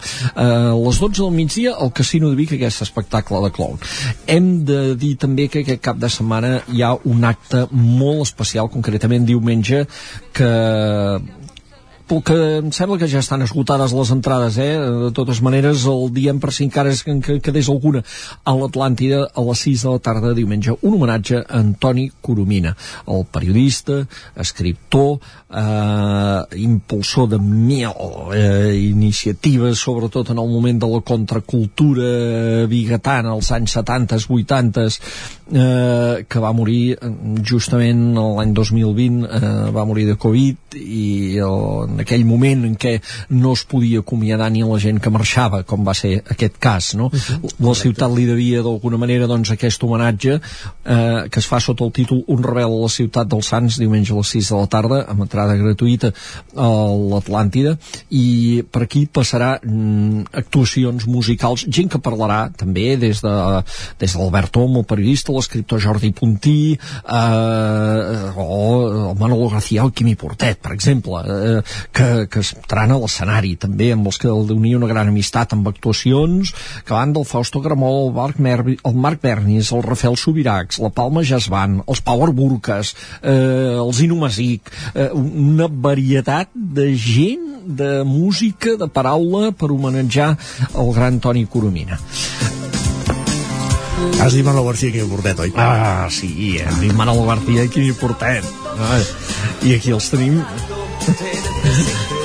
Continuem, continuem, que farem Continuem, salat. continuem, que, continuem que no, no, avui, avui tenim tanta cosa que no sé si ens l'acabarem tota. També hem de destacar, i qui vulgui més informació la trobarà a la Tremolla del Nou TV, el concert que faran dissabte els Portobello a la sala La Cabra. És un dels concerts que, que reprenen doncs, l'activitat en aquesta sala. Eh, destaquem aquest perquè eh, Portobello, que és aquest grup eh, que venen d'Altafulla, de, de Tarragona eh, acaben de presentar el seu tercer disc que, que es diu Llei Universal una producció d'en David Rossell i fan el seu primer concert eh, primer concert a Vic que no hi havien actuat mai aquest, eh, per tant eh, és un concert que té aquest, també aquest to especial no només pel fet de poder tornar a una sala doncs sense les limitacions que hi havia fins ara com la Cabra, sinó també per veure eh, aquest grup, els Portobello que no havíem vist aquí. Eh, en qüestió de música també eh, una actuació que aquesta s'havia ajornat en el seu moment i ara es pot fer, que és el disc del cinquè aniversari de la, de la segell discogràfic Great Canyon Records, que és el que impulsa la Joana Serrat, la cantant Joana Serrat. Això s'havia de fer el mes de novembre, es va haver d'ajornar, i aquest dissabte tindrà lloc al Casino de Vic al migdia, a partir de les 12 del migdia, amb actuacions dels artistes que eh, han format part de, del segell i alguns d'amics. També des de la mateixa Joana Serrat el, en Ferran, en Nando de Nyandú, Ferran Oriols fins a la Marta Pérez de les Anxoetes el Matthew McDade d'aquí eh, també conegut d'aquí a la comarca de Rupit. El Roger Usart. eh, eh, eh, en fi eh, tota aquesta gent, el Roger Usart eh, el Sioret eh, que, és, que és Antoni Serrat en fi, tot això el di, dissabte al migdia, concert de migdia i només un de final eh, divendres a l'embalat de Sant Pere de Torelló el gran Santi Carcassona amb el seu projecte Oh Yeah. tornem demà. La veu de Sant Joan, Ona Codinenca i Ràdio Cardedeu amb el suport de la xarxa. El nou FM